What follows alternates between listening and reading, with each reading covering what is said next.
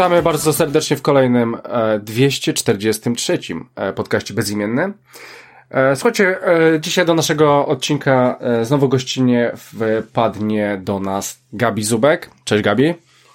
Jo, E, dzień dobry. Dzień dobry. E, zacząłem od Gabi, ponieważ, e, ponieważ jest kobietą i chyba wypadałoby, więc ja się jeszcze nie przedstawiłem.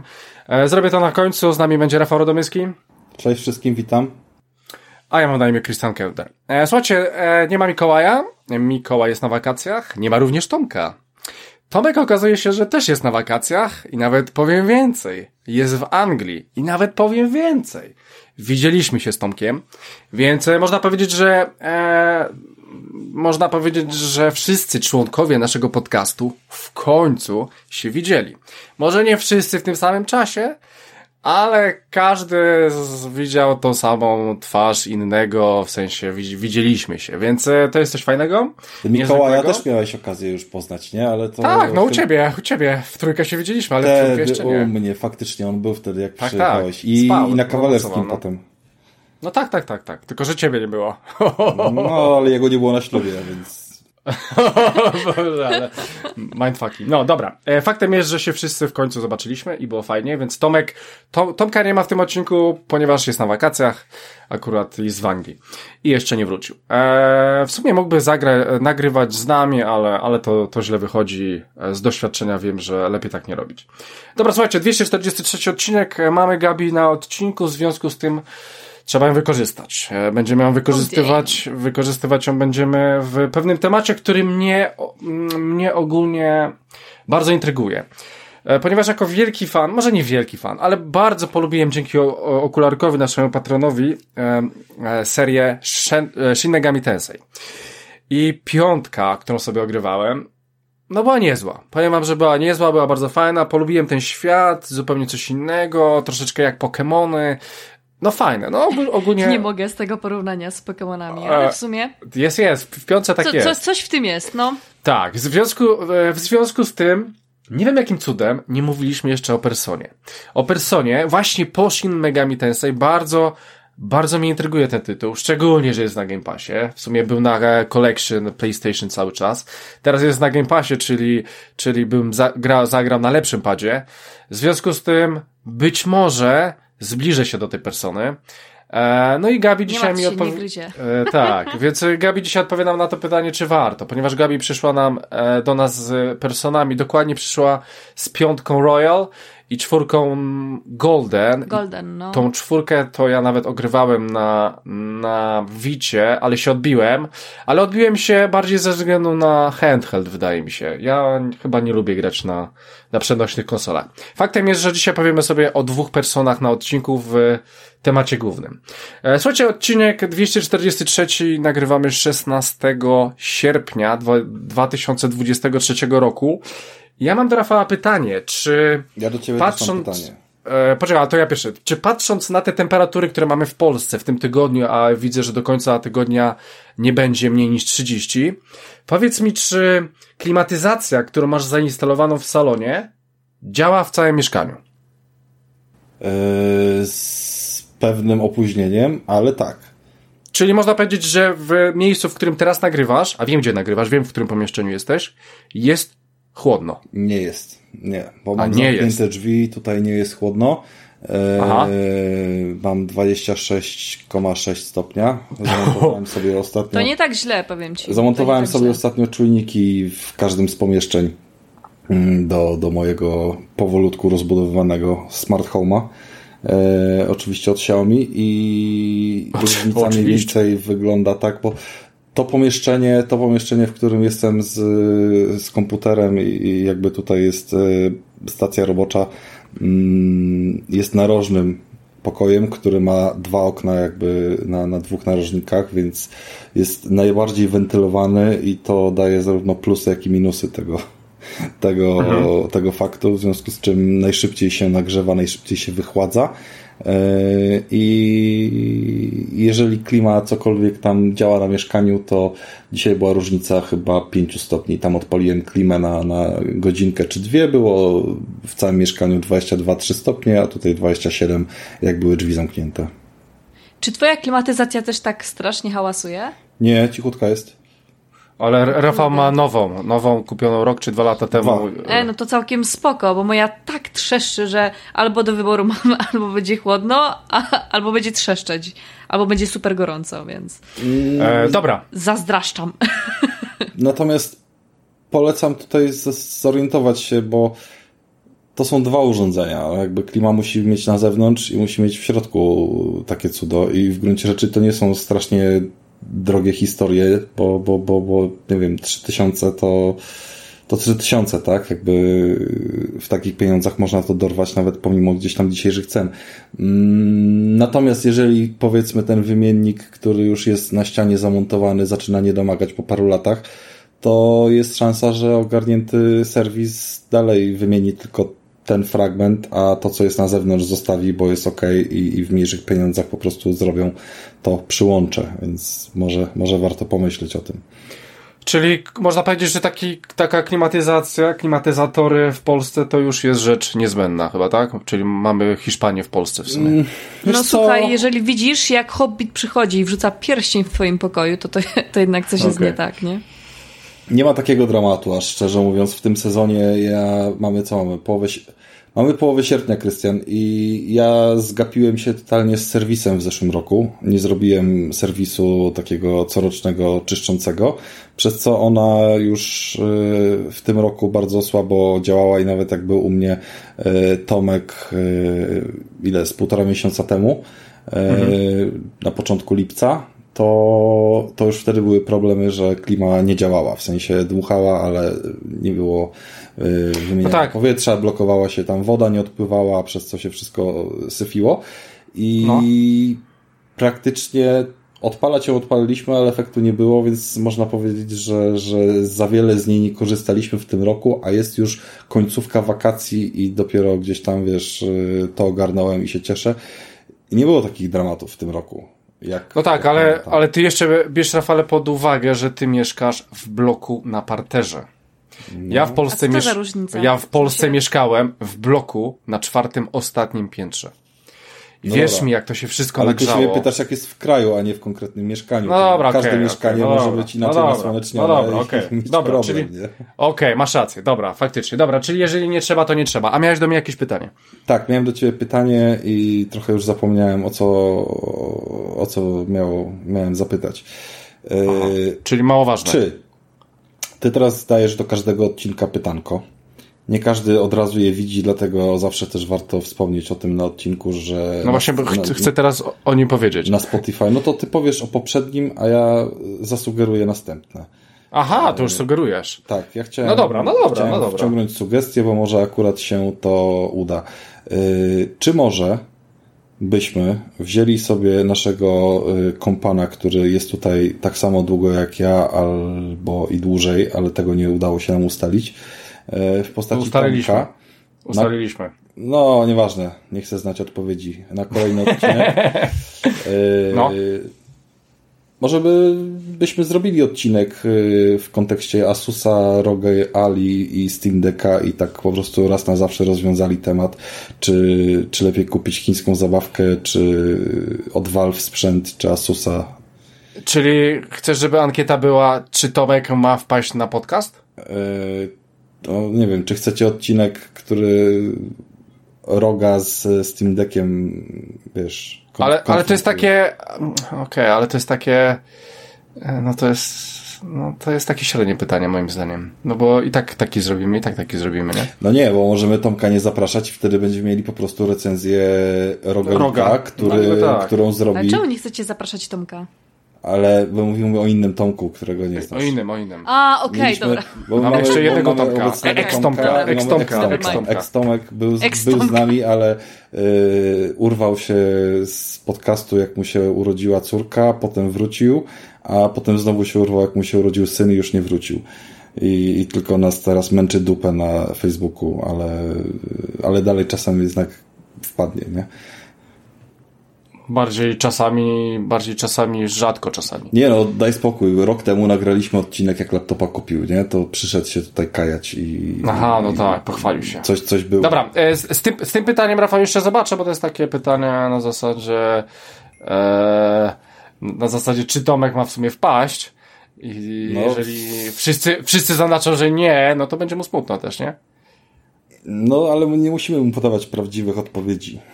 Okej, no dobra. Będziemy wiedzieli, co ludzie o nim myślą, ale my tego nie powiemy.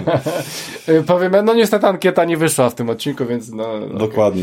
200 osób Em. napisze, że tak, dawajcie, chętnie tęsknimy za Tomkiem, zamieńcie go na Krystiana, a my powiemy, że nie. No, Okej, no to zamykamy podcast. Dziękuję, dobranoc. E, dobra, słuchajcie, więc e, pytanie moje, w sumie zadaliśmy wam pytanie, bo chcielibyśmy się troszeczkę o was dowiedzieć. I pytanie brzmiało, na czym grasz? Na czym głównie grasz? I to mieliście dwie możliwe odpowiedzi, konsole wszystkie, nie, nie wymieniałem, bo to, to nie miałoby sensu. E, I e, drugą opcją to był PC, PC Master Racer. E, I słuchajcie, jedna osoba napisała, że PC to chyba, nie wiem, może dla jaj też, nie wiem. Słuchajcie, 95,5% to są konsolowcy. Więc e, tak sobie pomyślałem, że kiedyś Wojtek z nami nagrywał, nie? No i miał te sporo recenzji, w sumie też na kompa. No ale ja myślę, że naszymi odbiorcami no nie są PC-ciarze, są konsolowcy, więc e, ja myślę, że Baldur's Gate 3, który przechodzicie, to będzie dla 5% naszych słuchaczy, tak na dobrą sprawę, bo nikt na PC nie gra.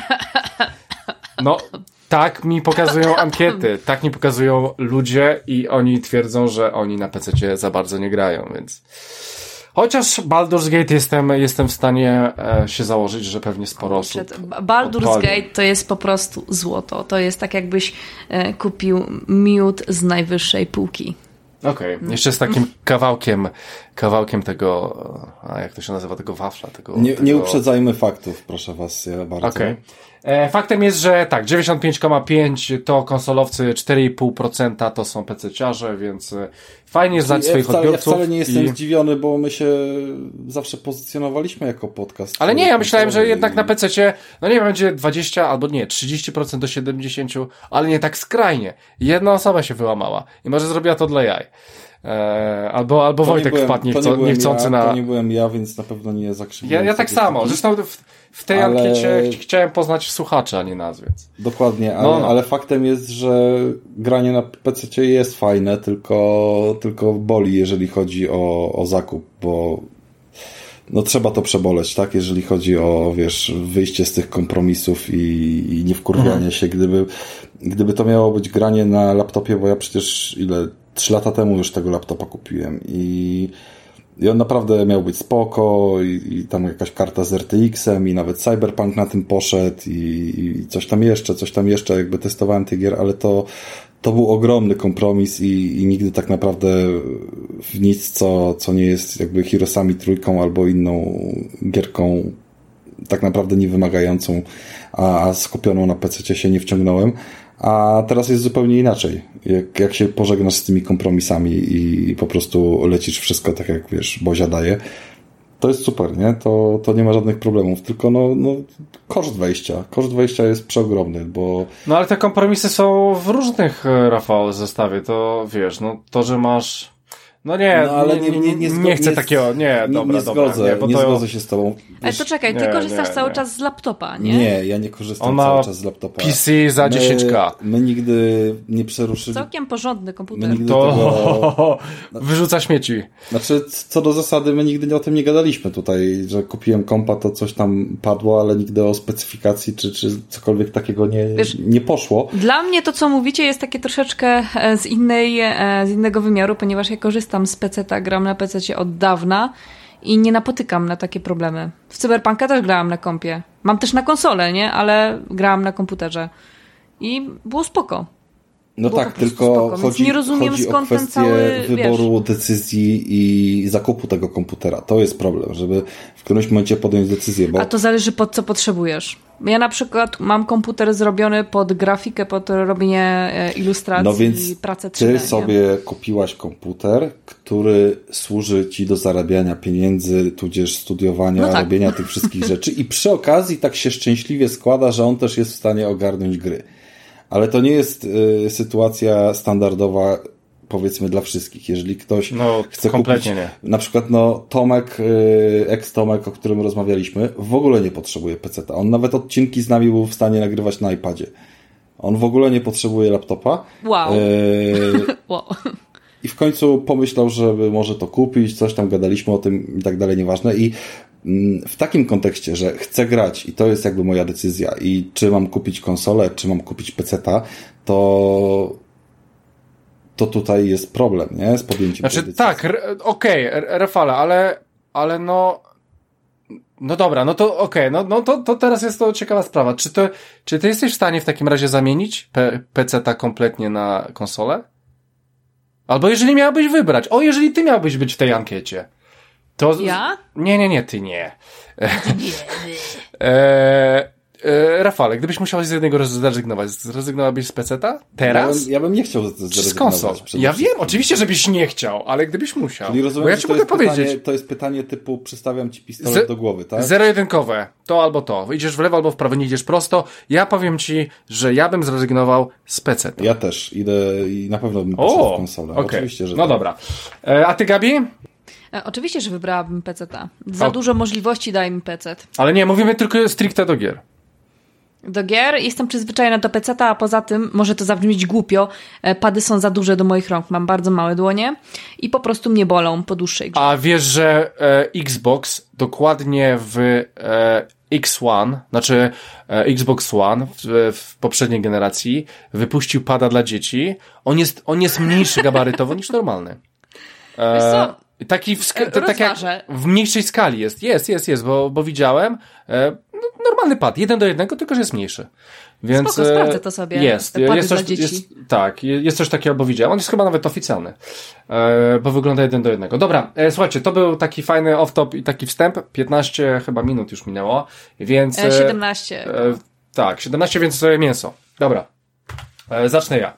E, zacznę ja, ponieważ dawno, dawno temu e, ja jestem wielkim fanem Might and Magic, niekoniecznie Heroesów, ale innej gry, która nazywa się Clash of Heroes. E, niedługo wychodzi wersja Def Definitive Edition, jakaś odświeżona, ta gra ma chyba 10 lat.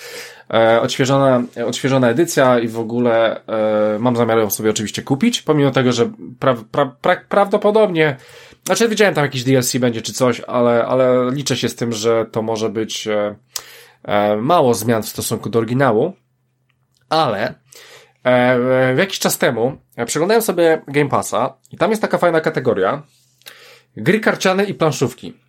No dobra, wszedłem sobie na tą kategorię i tam jest chyba 6 albo 8 gier, bardzo mało w sumie. I z tych 8 gier powiedzmy, w 6 grałem, a jedną mam zainstalowaną, jeszcze w nią nie próbowałem, a jedną właśnie sobie teraz grałem i teraz o niej powiem. Powiem o grze, która nazywa się Merge and Blade. Słuchajcie, gra jest właśnie jak Clash of Heroes. Trochę, oczywiście, oczywiście gorsza, mniej rozbudowana, ale dosyć ciekawy mechanizm ma, nawet troszeczkę podobny do tego. Troszeczkę inny, ale podobny. Jakby miał porównać tą grę do czegoś, to właśnie do Clash of Heroes. Słuchajcie, bo budujemy sobie planszę składającą się z e, kwadratów, jak w Tetrisa byśmy sobie grali, tak? Czyli wychodzi nam klocek, który zawsze, zawsze to są dwie jednostki połączone ze sobą. Eee, czyli możemy je po prostu ułożyć na tej, na tej wolnej planszy, to jest chyba jakiś kwadrat, powiedzmy 10 na 10. Możemy ją sobie ułożyć tak, żeby stały obok siebie, albo jedna na drugiej. Tak, czyli klocki spadają w dół e, z dwoma jednostkami. I układamy sobie w ten sposób, żeby trzy takie same połączyły się ze sobą, dzięki czemu stworzą nam jednostkę o poziom wyżej. Na przykład z normalnego rycerza stworzy nam się łucznik, a później z łucznika stworzy nam się pikinier, a później z niego stworzy nam się healer, e, a później stworzy nam się mag i tak dalej, coraz mocniejsze te jednostki, tylko że potrzebujemy trzech levelu poprzedniego. I słuchajcie, no ja po prostu wcią zostałem wciągnięty przez tą grę. Gra jest, gra wygląda jak gówno. Jeżeli wiecie jak wygląda gówno, to właśnie tak wygląda ta gra. To jest taki pixel, pixel art, no pixel, ale taki pixel, nie wiem ile tam jest pikseli, ale jakbym powiedział, że jest 360, to na całej planszy, to chyba bym się dużo nie pomylił, bo tam jest, bo ta gra w ogóle nie wygląda. Ale ta gra działa, ale ta gra działa przepięknie. Słuchajcie, spadają wam 10 tych klocków, 10 tych podwójnych jednostek, ustawiacie je sobie na planszy i one stworzą wam małą armię i ta armia atakuje przeciwników. Później to, co zostanie z tej waszej armii, doła, dołączacie znowu 10 klocków i tak w kółko macie coraz lepsze te armie i robicie sobie chaptery. W każdym chapterze macie 10 rund, które musicie przeżyć. Poza tym, e, rozbudowujecie sobie to w, to w różny sposób. Możecie zrobić, żebyście nie mieli 10, ra 10 tych jednostek, 10 razy po dwie jednostki, tylko na przykład 11 albo 12, czyli możecie więcej, wie, więcej tych jednostek wkładać na waszą planszę. Poza tym możecie ulepszać te jednostki, one będą coraz lepsze. Poza tym możecie odblokowywać kolejne poziomy, bo dojdziecie do pewnej ściany, jeżeli nie macie odblokowanych jednostek, na przykład powiedzmy, że jest 12 czy 3, powiedzmy, że jest 12 rodzajów, na początku gry macie 4 i nie będziecie mieli lepszych jednostek. Ale jak będziecie sobie odblokowywać, to w końcu trzy jednostki najmocniejsze, powiedzmy łucznicy, e, stworzą wam e, healera, bo nie, ponieważ odblokowaliście taką możliwość. Wcześniej nie ma takiej opcji. I ogólnie, e, ogólnie e, jest, że jest fajna opcja, że jeżeli e, te jednostki zaczynają walczyć, to wy jedyną rzeczą, którą możecie zrobić, to przesuwać je, tak? Czyli na przykład łucznik jest z przodu, nie, nie, to go wyrzucam do tyłu. He healer jest z przodu, nie, nie, nie, to go cofam do tyłu. Możecie sobie to tak poprzemieniać, żebyście na przykład w następnej turze ustawili sobie trzech obok siebie, czyli jak wygrywacie, wracacie na planszę i macie trzech obok siebie, od razu wam się zamieniają na, na większe jednostki jednostki. Ogólnie jest fajna taktyka w tym, ma to wszystko sens. Czasami te najmocniejsze jednostki nie są najlepsze, bo zauważyłem, że bardzo fajnie sobie radziłem, jak miałem dużo healerów, pomimo tego, że nie miałem dużo mocnych jednostek, więc dochodzi taktyka. Powiem, ci, powiem wam, że gra jest troszeczkę, ogólnie jest trudna, e, tr, e, trudna jest do przejścia, ponieważ gdzieś tak w połowie gry robi się zbyt trudno, i trochę trzeba farmić te wasze jednostki, e, w sensie polepszać je, bo tak jak mówiłem, każdą jednostkę możecie sobie polepszyć i dowalić ją na jakiś tam wysoki poziom. Jedną jednostkę, czyli wasz łucznik może być na dziesiątym poziomie. Eee, więc w pewnym momencie jest taki mały grind, ale później jakoś ten poziom trudności, nie wiem, zmniejszył mi się, albo może już takie dobre jednostki miałem, nie wiem. E, więc ogólnie bardzo fajna taktyka, to jest, to jest prosta gra, to jest gra po prostu na 10 minut, ale naprawdę gra się w to super. E, gra ma kampanię, e, gra ma challenge, w sumie ich nie odpalałem, i gra ma tryb roguelike, czyli po prostu przechodzicie kolejne fale, aż zginiecie. E, chyba tylko raz to odpaliłem, ale, ale skupiłem się bardziej na kampanii. E, no powiem wam, że wciągnęło mnie to. Naprawdę mnie to wciągnęło. W pewnym momencie było to monotonne, ponieważ cały czas będziecie jednak robić to samo, zaczynać się od, od zera i, i, po prostu pokonywać te fale i tworzyć to samo. No tak jakbyście w kółko grali w Tetrisa, tak? Przy jakimś tam upgrade'zie. Ale, ale jeżeli sobie będziecie to tak mądrze dawkować, to zostaniecie wciągnięci. Naprawdę zostaliście, zostaniecie wciągnięci. Mam nawet takiego znajomego, który w ogóle miałem się go spytać, skąd on to wziął, bo e, mam takiego znajomego, który ogrywa mało gier i raczej takie grubsze tytuły. I patrzę, on mówił, ej, gra jest zajebista, właśnie przeszedłem ją całą, nie? A ja mówię, wow, w ogóle skąd ty o niej wiedziałeś, nie? To tak jak Rafa by mi teraz powiedział, że przeszedł całą grę.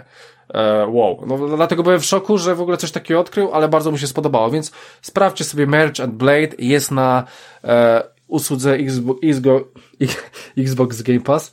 E, no i oczywiście zajmuje chyba, nie wiem, 400 mega, tak, czy 500. E, ruszy na wszystkim, nawet na telewizorach Samsunga. Ostatnio w ogóle patrzę na telewizor Samsunga, tam e, chwalą się, że mają aplikację właśnie Game Passa. Dobra, więc e, słuchajcie, Merch and Blade. Naprawdę polecam wam, szczególnie jak lubicie taką taktycz, taktyczną rozkminkę i no, sobie możecie poprzestawiać kocki i jest super. E, no, no to tyle, jeżeli chodzi o mnie. Mm, więc przejdźmy, przejdźmy, zaczniemy już pierwszą personę e, Gabi. E, no i zacznijmy od czwórki w takim razie, będziemy szli numerami e, do góry, więc e, słuchaj, e, Persona 4 Golden. Gra jest już stosunkowo stara. E, nie wiem, czy oni mają zamiar odświeżać ją w jakiś sposób, bo... bo ona wyszła na początku na PS2, później dopiero na Vita, nie? A, widzisz, a widzisz. Tak, no. tak, tak, tak, tak. Znaczy Vita była później, tak, to, tak, to na pewno. 2008 lub e, 2008 bodajże na rynek amerykański, 2009 na rynek europejski, jeśli się nie mylę. E, tak, czy czwórka to była twoja pierwsza persona? E, nie, piątka była moją pierwszą Aha, personą. no to, no to, to miałaś ciekawy dy dysonans. Dobra, więc o, powie, tak. E, powiedz, powiedz nam o tej czwórce, e, czy w ogóle e, jest, jest w ogóle sens jeszcze w to wracać. Ja wiem, że Ci się bardzo podobała, ale, ale czy, znaczy, na końcu powiedz nam, odpowiedz właśnie mi na pytanie, czy jest sens jeszcze do tego wrócić ze względu na to, że jak się zestarzała. E, no i powiedz, czym to jest, czym, jest ta persona ogólnie 4. No mówię, ja jestem wielkim, znaczy nie jestem wielkim, lubię Shin Megami Tensei, więc, więc e, chciałbym się dowiedzieć troszeczkę o tym spin-offie, zajebistym spin-offie, by the way. Spoko, w ogóle jak już wspomniałeś, cała seria Persony to powstało właśnie jako spin-off do serii gier Shin Megami Tensei. No i generalnie, żeby zaznaczyć, no to wiadomo, że jest to seria gier fabularnych, które wydało studio Atlus.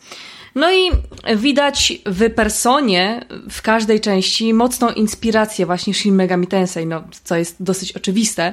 Mhm. Sam tytuł serii nawiązuje właśnie do e, person, czyli takich nadprzyrodzonych istot, które użyczają nam swojej mocy do walki, tak jakby odkrywając siebie, odnajdując swoją, akceptując swoje ja, swoją e, tożsamość, zyskujemy dostęp do danej persony. Um, wiadomo, że główny bohater może mieć ile chce person, a jego tak jakby kompanii mogą mieć tylko po jednej przypisanych do nich e, personie. No i tak, to jest ciekawe, bo każdy tytuł ma tak jakby kilka wspólnych elementów e, ze wszystkimi częściami, czyli wiadomo, że bohaterami są zazwyczaj licealiści. Akcja dzieje się e, właśnie w liceum. Mamy bohatera, który de facto nic nie mówi, jedynie widać, w sensie głosowo nic nie mówi a normalnie wyświetlają ci się opcje i w zależności jakie cechy rozwijasz, to będziesz mógł korzystać z danych opcji. Czyli na przykład, jeżeli sobie wymaksujesz powiedzmy odwagę, to będziesz mógł powiedzieć dziewczynie wprost, czy nie wiem, że ją lubisz. O, coś, coś, coś o to, to, to, właśnie coś takiego jest bardzo fajne. No to to jest zajebiste, nawet bym ci powiedziała. To jest, nie, nie, to, to jest fajne, bo w wielu RPG się o czymś takim zapomina, albo po prostu też nie, nie ma opcji, żeby e, pakować w odwagę. Czyli w takim razie pamiętasz, w ile tych rzeczy jest do polepszania w takim razie e, e swojej postaci? Z tego co pamiętam, w piątej części było pięć statystyk. A tutaj? E, w czwartej bodajże były trzy. Ale nie dam sobie ręki uciąć. Ale to co, to, to znaczy, że jedna z nich to była odwaga? E, Podany przykład albo dotyczył piątki, albo dotyczył czwórki i nie pamiętam dokładnie, czy nie dotyczyło to sytuacji, w której e, główny bohater wyznaje jednej z kompanionów, że no czy chciałby być jej dziewczyną, ale do tego mhm. później dojdziemy, nie? No dobra, no. E, najlepsze jest to w personie, że każda z tych postaci ma swoją własną indywidualną historię i pokazuje każdy, każda postać ma pewien problem, który poniekąd łączy się z właśnie zaakceptowaniem e, swojej drugiej strony, swoich ukrytych odczuć i każdy bohater przedstawia inny problem, z jakim się zmierza. Jeżeli chodzi o czwórkę, to chciałabym nakreślić mniej więcej, jak to wygląda fabularnie. Mamy głównego, bo każda persona tak jakby jest odrębną historią i dzieje się tak jakby...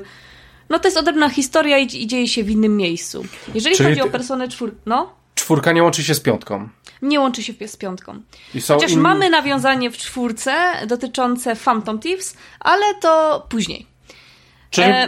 mogę odpalić czwórkę bez znajomości w ogóle tak, tej tak, serii. Dobra, bezproblemowo.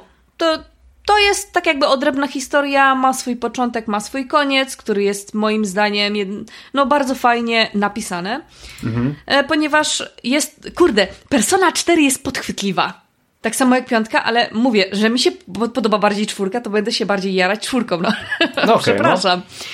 Jest bardzo podchwytliwa pod kątem decyzji, bo wydaje ci się, że zrobiłeś coś dobrze, że, e, że taką decyzję trzeba było podjąć, a tu nie, niekoniecznie. Na przykład, jeżeli mamy zakończenie, które jest również bardzo podchwytliwe i podstępne, jeżeli wybierze się e, decyzję, nie wiem, poniesiecie, poniosą cię emocje, to wcale dobrze się to nie kończy. Więc jeżeli chodzi mhm. o personę czwórkę, to e, wcielasz się, no wiadomo, w licealistę, który przyjeżdża do miasteczka zwanego Inabą e, na rok i w tym miasteczku e, poznaje właśnie swoją ekipę i dwa dni po jego przyjeździe dochodzi do morderstwa. I teraz tak, e, nasz protagonista tak jakby e, z tymi kompanionami rozmawia na ten temat i wspólnie podejmują śledztwo, żeby znaleźć tego culprit, tego, tą osobę, która za tym wszystkim stoi. E, I tak, jak wiadomo, policja nie ma żadnych śladów, więc wszystko zależy od grupy licealistów. Co jest ciekawe, bo w personach, w personie 4 e, i 5, e, korzysta się na przykład z atrap broni, nie korzysta się z prawdziwych broni.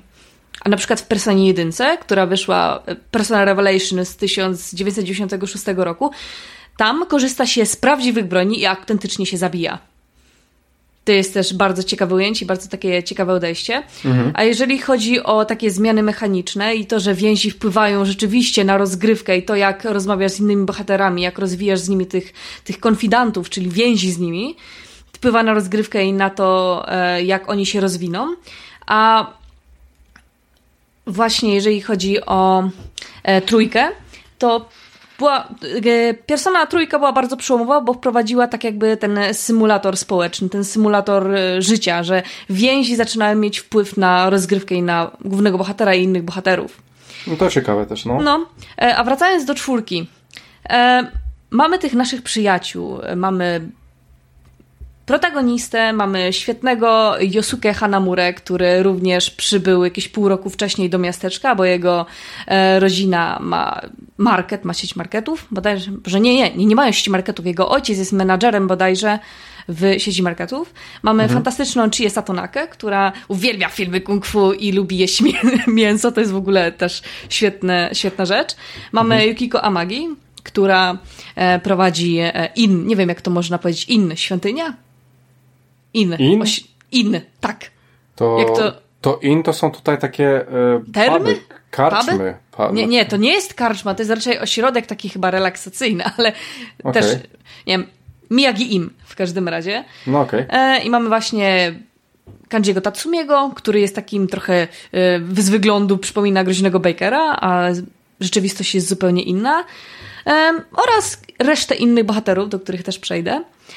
I najlepsze jest to, że jak mamy naszego głównego protagonistę, który właśnie zbiera tę ekipę, on pomaga im przechodzić przez różne mm, problemy, jakie mają. E, czy problemy z samoakceptacją, że po prostu chce ktoś być zaakceptowany e, takim, jakim jest. Na przykład jak Kanji Tatsumi, który, na którym jest presja, żeby był męski, że, że on przynajmniej tak to zrozumiał, że musi być supermęski, że musi być silny. E, i tak jakby odsuwa wszystkich od siebie, bo nie chce przeżyć tego bólu odrzucenia.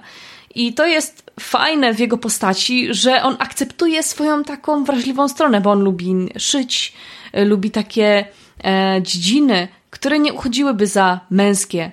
A jednak można być męskim, może szyć fantastyczne ubranie, może szyć świetne w ogóle rzeczy. Na przykład jest tam taki quest, gdzie on pomaga takiemu dziecku i szyje mu bodajże zabawki.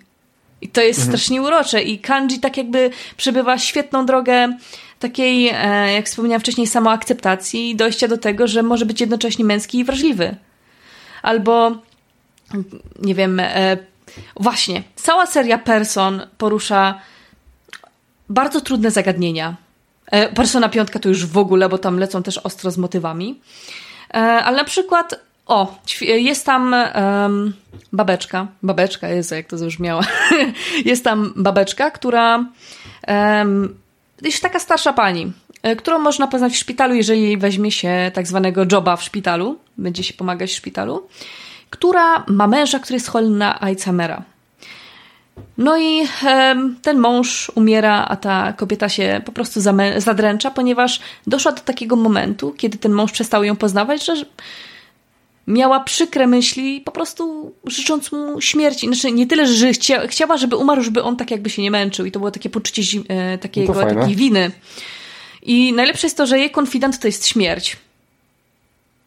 I nasz mhm. główny bohater pomaga jej tak jakby poradzić sobie z tą traumą. I jak przechodzi się czwórkę, to po pierwsze, może dlatego, że to jest małe miasto, że to jest mała, małe miasteczko i klimat jest taki, nie jest taki rozległy, jest bardziej domowy. Czuje się człowiek tak jakby. Nie widać tego, monument, tego monumentalizmu miasta, jak to masz w personie piątce, że to jest takie wielkie, tylko wszystko jest takie bliskie, no jak to na mniejszych miast w mniejszych miasteczkach. Mhm. Co mi się podoba w personach, to to, że e, jeżeli chodzi o mechanikę gry, to że musisz ładnie dysponować swoim czasem. To po- poczekaj jeszcze chwilę, bo mówiłaś o postaciach, tak? W jakie Tak. występują w grze. Powiedz mi te postacie, czyli ile ich jest? Trzy albo cztery? Cztery? Trzy? E, w sumie osiem. Z głównym protagonistą jest to osiem postaci. Okej, ale poczekaj, ale, ale, ale chodzisz, chodzisz iloma postaciami? Nie, znaczy generalnie grę, ty grasz głównym, e, głównym bohaterem, głównym protagonistą. I możesz No. mieć w teamie trzy osoby, które ci towarzyszą w eksplorowaniu dungeonu. No Bo i... oprócz tego, że No, no mów, mów, mów. Nie, bo oprócz tego, że to jest taki symulator życia, to jest też dungeon crawler, no nie? Że No tak, e, tak, zwiedzasz te dun- e, dungeony, eksplorujesz, nabijasz e, doświadczenia, zabijasz shadowy. E, shadow generalnie to są te takie postacie, te takie byty, No, które są e, w tym drugim wymiarze. W ogóle, bo e, tak troszeczkę po poleciałam, jak to mam zazwyczaj w zwyczaju. Zazwyczaj w zwyczaju. Genialnie, Gabi, w ogóle. Jak przyjeżdżamy do tego miasteczka, dowiadujemy się, że jest taki kanał, taki coś jak Midnight Channel i ponoć em, można tam zobaczyć e, coś ciekawego, e, bodajże e, dru- drugą połówkę. Nie jestem tego pewna, tego drugiego. Em, I wszystko zaczyna się od tego, że e, nasz główny bohater widzi właśnie w tym telewizorze e, znajomą sylwetkę. No i właśnie na drugi dzień e, okazuje się, że doszło bodajże do pierwszego morderstwa. E, Więc ważny tutaj jest aspekt tego Midnight Channel, gdzie również jak, bo właśnie w nim tak jakby bohaterzy eksplorują to wszystko, te wszystkie dungeony. W ogóle e, każda z tych osób, które nam towarzyszą w Personie czwórce, musi pokonać takiego, tak jakby mm, her inner self, bad inner self, swojego shadowa, który powstaje przy tym, jak negujemy nasze tak jakby ukryte, podświadome e, pragnienia, takie postrzeganie, z których nie jesteśmy dumni. Że, które kontrolujemy, które są częścią nas, ale nas nie definiują, ale mimo wszystko nie chcemy się do tego przyznać. Ale one są zawsze negatywne? E, W tym przedstawieniu, jeżeli chodzi o shadow, e, o takie cienie osobowości, tak, to to jest bardziej taka manifestacja tak, e, takich negatywnych odczuć danej osoby. I na przykład, jeżeli mamy, powiedzmy, tego Yasuke Hanamurę, e, on się boi przyznać, e, że tak naprawdę, bo on tak jakby e, zaczął motyw tego śledztwa, tak jakby się tym zainteresował i dopiero nasz protagonista zostaje liderem, e, później całej ekipy, no, bo- no, bo, tak, no bo taki jest protagonista, halo. E, No i ten e, Yosuke bardzo się angażuje w śledztwo, e, chce e, tak jakby rozwiązać sprawę, zwłaszcza gdy jego crush, gdy dziewczyna, w której e, się kochał, zostaje również zamordowana. I z tego na przykład on miał e, takiego cienia, taki, takie negatywne emocje, kiedy ta postać, która była jego cieniem, powiedziała, że on tak jakby chce być bohaterem, że, że tak jakby chce coś znaczyć, że tak naprawdę jest to też dla niego wszystko nowe. Przyjechał na, do wiele mniejszego miasteczka, gdzie nic- się nie dzieje. Właśnie chciałby być postrzegany jako taki bohater, jako taki. No taka próżność się z niego wylewała.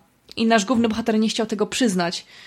Ale no i wtedy, jak e, nasz e, bohater, ten poboczny, nie chce, nie akceptuje tego Shadowa, to wtedy e, po prostu roz, zaczyna się walka i walczymy z tym Shadowem, bo, nie, bo chodzi o to, że musimy zaakceptować tę część siebie, tę część naszej tożsamości, a kiedy ją odrzucamy, to po prostu walczymy z samym sobą. Przynajmniej ja to tak interpretuję, to jest moje też subiektywne odczucie.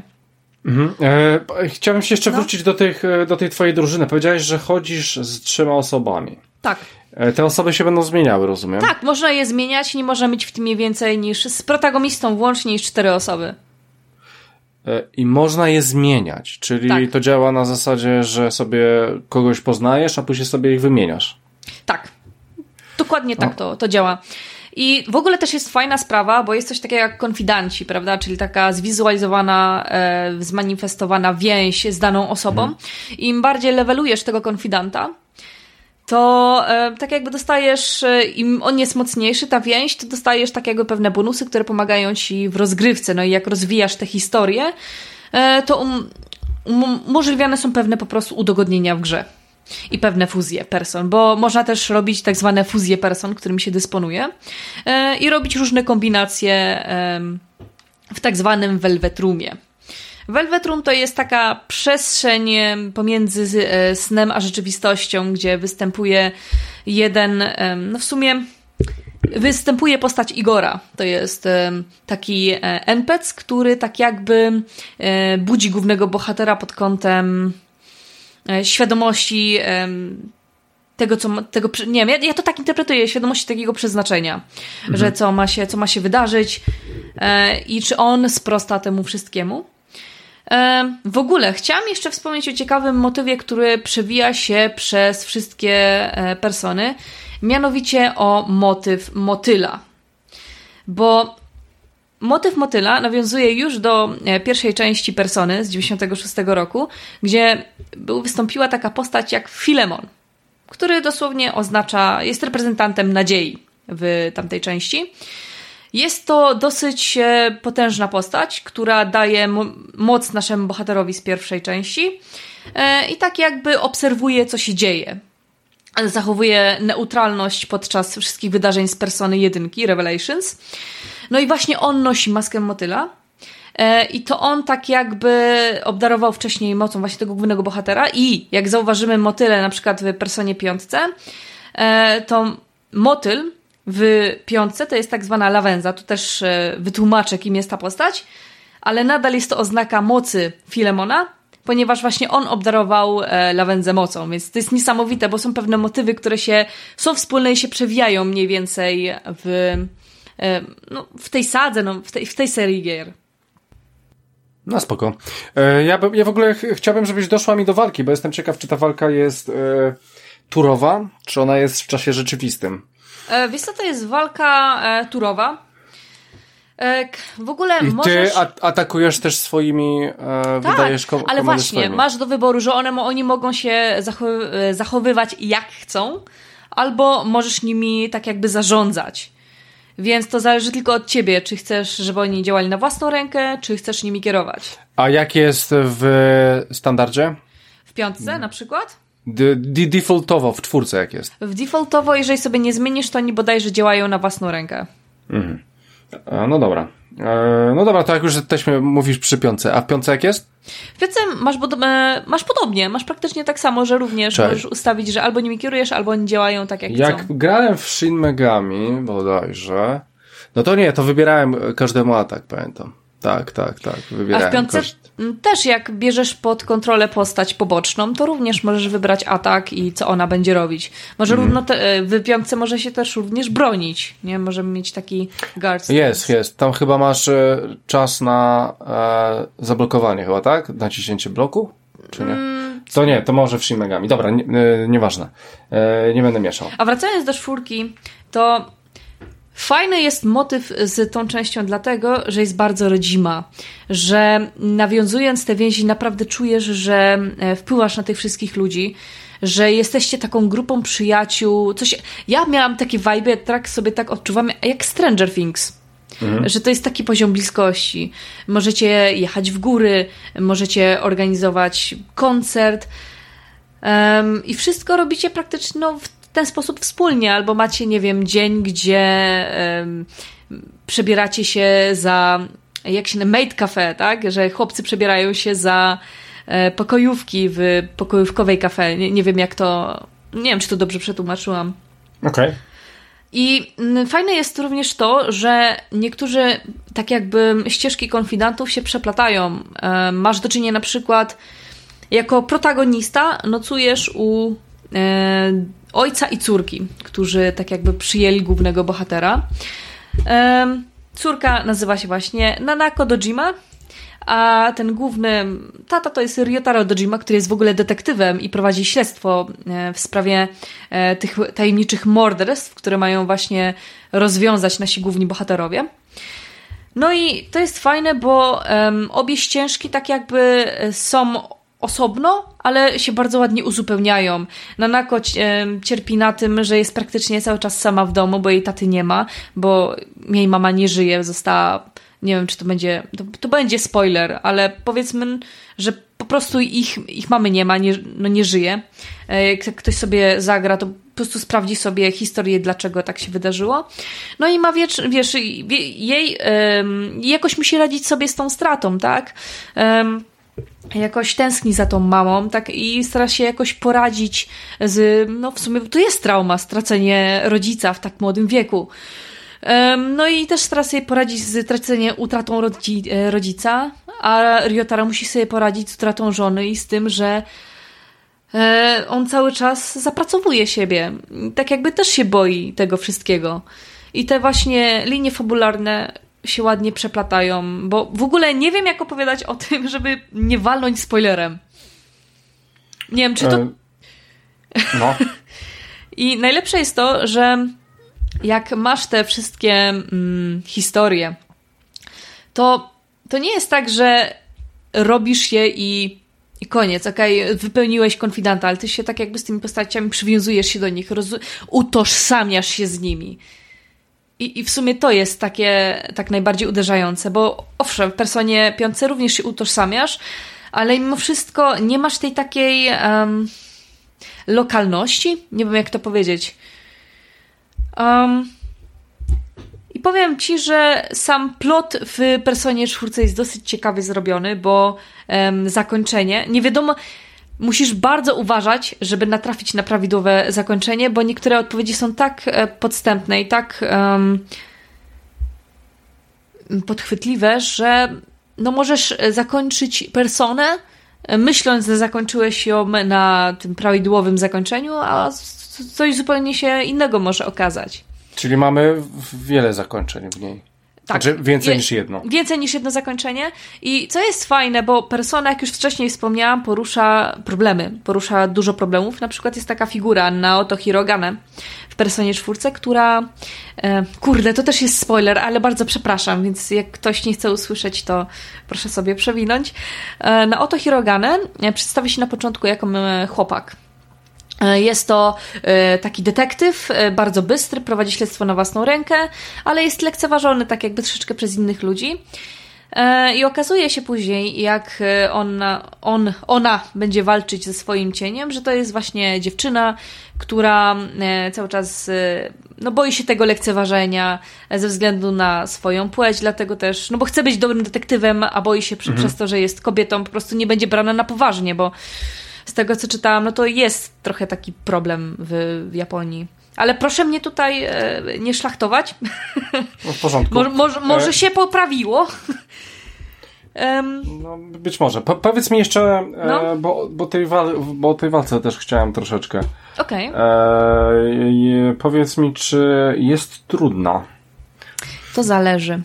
Jaki tryb w jakim trypem pójdziesz, bo ja ci się przyznam szczerze, że ja jestem sucker for fabuła i dla mnie walka no jest rzeczą... No, no, no, właśnie słyszę. Dla mnie walka no. jest rzeczą drugorzędną, dlatego mm, zazwyczaj jadę na takim normalnym poziomie trudności albo na easy. Mhm. E, I dla mnie na przykład ja miałam taki włączony tryb, że nawet jak mi złajpowało party, to po prostu tak jakby mm, jak wszyscy umrą, to tak jakby odżywają i są bodajże na fulla wszyscy ponownie.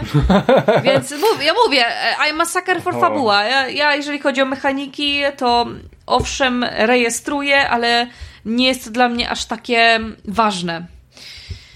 To ciekawe, bo, bo jednak, no jednak ja lubię. E... Zauważyłam po poprzednim podcaście. Znaczy nie, e, lubię, lubię jakieś wyzwania, nie? W, w tych grach. E, to mimo może wszystko. inaczej. Ja też lubię wyzwania, tylko jak mam na to humor. A jeżeli widzę grę, która jest tak, ma taką skondensowaną fabułę, to ja po prostu nie mogę. Dla mnie to jest um, no, rzecz drugorzędna. Jak chcę sobie powalczyć, to nie wiem, włączę, ustawię sobie tryb, że chcę, żeby mieć trudno ok, nie? Ale tak, to ba bardzo mnie interesuje historia, poprowadzona narracja. I najlepsze jest to, że trzeba tutaj myśleć pod tym kątem, jak zagospodarować czas, bo bardzo trudno jest um, mieć wszystkich konfidantów e, tak jakby zrobionych pod kątem wymaksowania relacji. Mi się nie udało za jednym ranem, nie wiem, mi się udało wymaksować nawet nie połowę konfidantów, których miałam do dyspozycji w personie. Mhm. E, więc tutaj już trzeba tak e, nawet z poradnikiem, e, no, żeby wiedzieć w którym momencie dokładnie gdzie się udać, żeby napotkać daną osobę. No już, no, no wiesz o co chodzi. No tak. Więc to też uczy, jak, roz, jak gospodarować czasem w personie, bo no, masz ograniczone możliwości y, po prostu spędzania czasu. Że albo się uczysz, albo idziesz eksplorować dungeon, albo, nie wiem, spędzać czas gdzie indziej. Y, I co jest fajne w ogóle w personach, że pomimo tego double life, tutaj y, śledzisz i robisz to śledztwo, kto zabił, kto jest odpowiedzialny za, za te śmierci wszystkie, ale prowadzisz też normalne życie licealisty i musisz chodzić na zajęcia, e, musisz e, znać odpowiedzi, uczyć się do tych e, testów. Co to gada? To ciekawe, to Tak, tak, to jest zajeb... ja myślałem, bardzo fajna jest... rzecz. bardzo ja fajna myślałem, rzecz. Że, myślałem, że to jest właśnie no RPG po prostu. No, nie, nie. Wiesz, no, w Shin Megami poczekaj, też, też przecież grasz e, dzieciakami Tak, no to ma wspólne bardzo, przecież to jest e, seria no, no, no, no, nie seria ale, ale, ale 100% walka. Tam, tam, tam, się, tam niczego się nie uczysz. Dlaczego ja aż tak nie rozegrałam się w Shin Megami Tensei? No może dlatego, może no, dlatego. Zresztą to... tam, fa, tam fabuła naprawdę schodzi bardziej na, na drugi plan jednak. No. Znaczy jest ciekawa, ale chyba nie jest aż tak e, to rozbudowane. Zresztą tam nie ma takiej relacji, no bo mówię, ty jesteś ty jesteś z tymi swoimi Pokemonami, niby możesz z nimi sobie gadać. nie mogę z tego. No tak, ale, ale no nie, nie, tam, tam takiej głębi nie ma. Fabularnej przynajmniej. No to, nie wiem, nie wypowiem się, bo nie grałam w Shin Megami mhm, Tensei. No tak, tak, tak, pewnie. E, co jest śmieszne, na przykład w szkole masz taką postać, e, bodajże Maroka e, Senpai, czyli, e, znaczy Sensei, Maroka Sensei, że nauczyciel Maroka, na którego każdy mówi King Moron, bo jest takim typowym, przydupcającym się o nic nauczycielem, że to jest mhm. taka ładna kalka takiego belfra, którego każdy nie lubi i każdy go lekceważy. I ty śmiejesz się z tej postaci, bo to jest taki typowy comic relief, który jest ucharakteryzowany na takiego comic reliefa i nagle patrzysz uwaga, spoiler! Czy mogę machnąć spoilerem? Nie, nie możesz. Dobrze. Tak czy inaczej ludzie się zdziwią, co się stanie z panem Moroka. Mhm. Um, no i mi się bardzo podoba to, jak zmusza cię ta gra do e, takiego ekonomicznego myślenia w kontekście szacowania czasu, na co to masz spędzić. No i też, jeżeli nie lecisz z poradnikiem, musisz też e, dobierać tak konfidantów, no, których, um, którzy ci się będą opłacać, ale do których czujesz taką największą sympatię. W ogóle to jest też ciekawe, że jak grasz w personę, to normalnie chodzisz na zajęcia, ale musisz się też zapisać do klubu, na przykład. Masz do wyboru klub bodajże piłki nożnej i klub y, koszykówki. No masz do ciekawe. wyboru y, Drama Club, masz do wyboru Music Club. Fajne, fajne. E, coś takiego mi się podoba. E, dobra, e, Gabi, bo nie możemy siedzieć cały czas w tej personie, e, więc e, pomału do brzegu. Powiedz mi, e, powiedz mi, czy w ogóle, tak jak zadałem Ci na początku to pytanie, czy czy jest sens w ogóle do tego wracać? Czy Oczywiście, jest że jest sens. Znaczy, to... dobra, no okej, okay, no dobra. Ale nie, okay, zobacz, ale... co z tego, że teraz czy... aktualnie grafika wygląda troszeczkę ziemniaczanie i może troszeczkę? pod kątem... No dobra, wygląda jak ziemniak, który upadł na podłogę i zdeptałeś to piętą, ale to i tak nie jest istotne, ponieważ mhm. ten klimat, ta relacja jest zupełnie przeważają. Ta grafika jest nieistotna. W ogóle to jest ciekawe, bo Gabi pomimo tak, tego. Opowiadał o Metal Gearze. Przepraszam bardzo, ale ta seria po prostu jest fantastyczna. I ja ci powiem jeszcze tyle, że pomimo znaczy pod kątem, tego. Pod kątem fabularnym. Pomimo tak tego, że no. e, oni są, e, prowadzą kurde śledztwo w, w, sprawie morderstwa, to potrafią zachować jeszcze tą nastolatkowość, że to nie są super takie, e, że to nie są tacy super dorośli, tylko to są mimo wszystko dzieciaki. To fajnie widać. Nawet e, Wow, e, nawet w UI-u to widać, takie żywe kolory są. W ogóle to jest co ciekawe, e, że chciałam zwrócić jeszcze uwagę na muzykę w Personie 4, która jest fantastyczna. Ja po prostu jak tylko słyszę dane kawałki z, tego, z tej gierki, to jest takie mm, da feels, zwłaszcza kiedy dojdzie pewien fragment w powiedzmy e, trzech czwartych gry dotyczącym Nanako. No no, no, no, ha, no chwilsy, no Boże. Ta gra mhm. potrafi tak zaskoczyć, potrafi, e, potrafi tak podkręcić emocje, że no czujesz sama, sam, sama czuje człowiek przemianę jak przechodzi tę gierkę. I muszę przyznać, że no ja się czułam tak, jak przeszłam tę grę, no zrozumiałam coś więcej na temat siebie. I to jest fajne, bo to porusza problemy, które trapią każdego z nas. To jest ciekawe. A no. ni, nikt na to aż tak nie zwraca uwagi, no.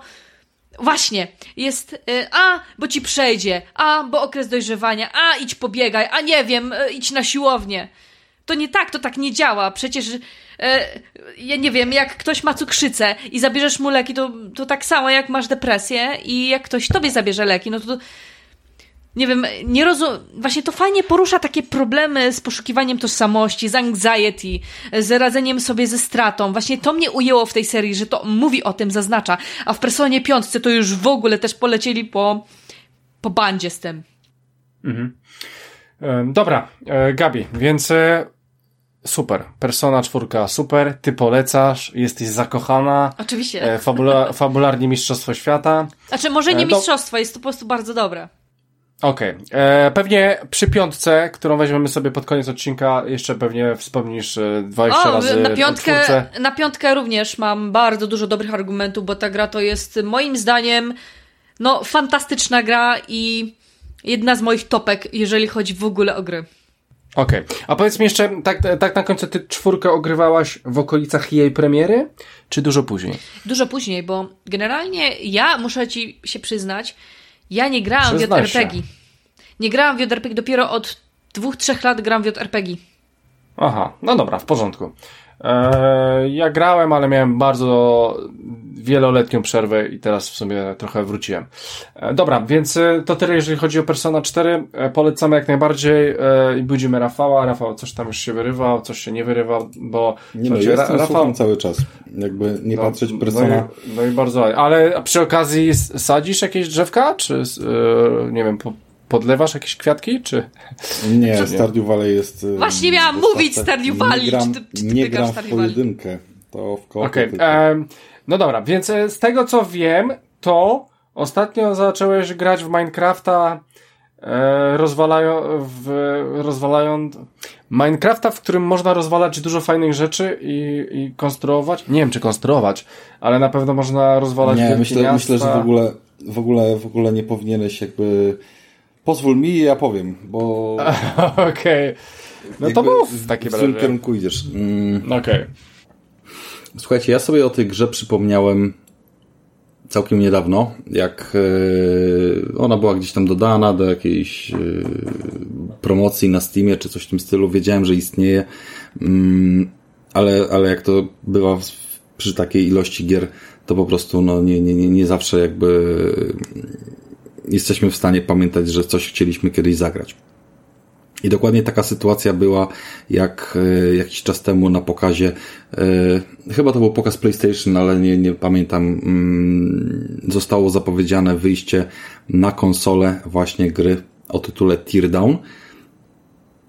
Ja sobie przypomniałem, że przecież to jest na PC ja mam PC i mogę w to już grać i, i gdzie to jest i jak to kupić i w ogóle, nie? I to jest taka gra, która owszem, może budzić jakieś drobne skojarzenia z Minecraftem, dlatego że y, konstrukcyjnie składa się z malutkich kwadracików, y, które, które są elementami konstrukcyjnymi. Tylko, że to była straszna, okropna wręcz, y, okropne wręcz uproszczenie jakby dla, dla tego, bo to jest przede wszystkim silnik fizyczny. I tam jest odrobina grafiki rzucona na ten silnik fizyczny, a cały jakby ciężar e, frajdy z, z obcowania z tym tytułem opiera się właśnie na zabawie z tą fizyką po, po uprzednim no, zdobyciu jakichś narzędzi, które nam pozwalają się nią odpowiednio bawić. Wyobraźcie sobie jakąś prostą planszę, e, załóżmy jakiś wiejski domek, chatka, która e, stoi na jakiejś ogrodzonej posesji, trochę drzew, e, domek piętrowy i, tego typu rzeczy.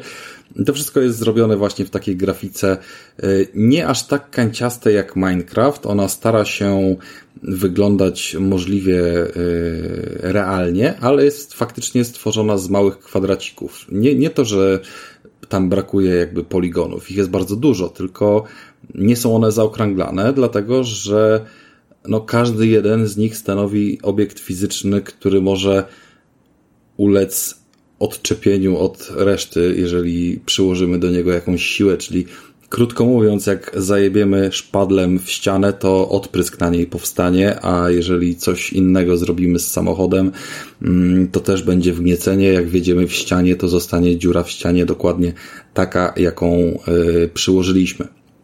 W sensie, no, jeżeli chodzi o energię, tak? Jeżeli wjedziemy samochodem w ścianę, to będzie yy, dziura wynikająca z samochodu. Jeżeli tam podłożymy bombę, czy, czy jakąś inną, yy, nie wiem, broń, energię, cokolwiek rzucimy czymś ciężkim, to właśnie takie będą uszkodzenia. I, i to jest wspaniałe. To jest, to jest to niesamowicie po prostu uzależniające obcowanie z takim światem. Ciężko jest powiedzieć, jak dobrze to będzie w przyszłości wyglądało i działało na konsolach oraz ile będzie dawało realnej frajdy, dlatego że to jest jedna z tych gier, które mm, nie mają zbyt dobrze opracowanej fabuły, bo, bo tutaj ewidentnie no pomysł jakiś tam jest, powiedzmy, że się mm, prowadzi firmę, która się, nie wiem, zajmuje włamaniami, coś w tym stylu, jest się, jest się powiedzmy włamywaczem. No i na kolejnych planszach się wykonuje kolejne zlecenia, że dzięki tym możliwym zniszczeniom możemy się dostać w jakieś miejsca i to tak jakby totalnie swobodnie, bo czy my wejdziemy przez dach, czy przez ścianę, czy w jakiś inny sposób, to jest kwestia tylko naszej inwencji twórczej i dostępnych narzędzi. E, natomiast to, co daje niesamowitego kopa jakby do, do tej gry. To są oczywiście mody, które na mm, PC Och, są... magia modów, cudowna.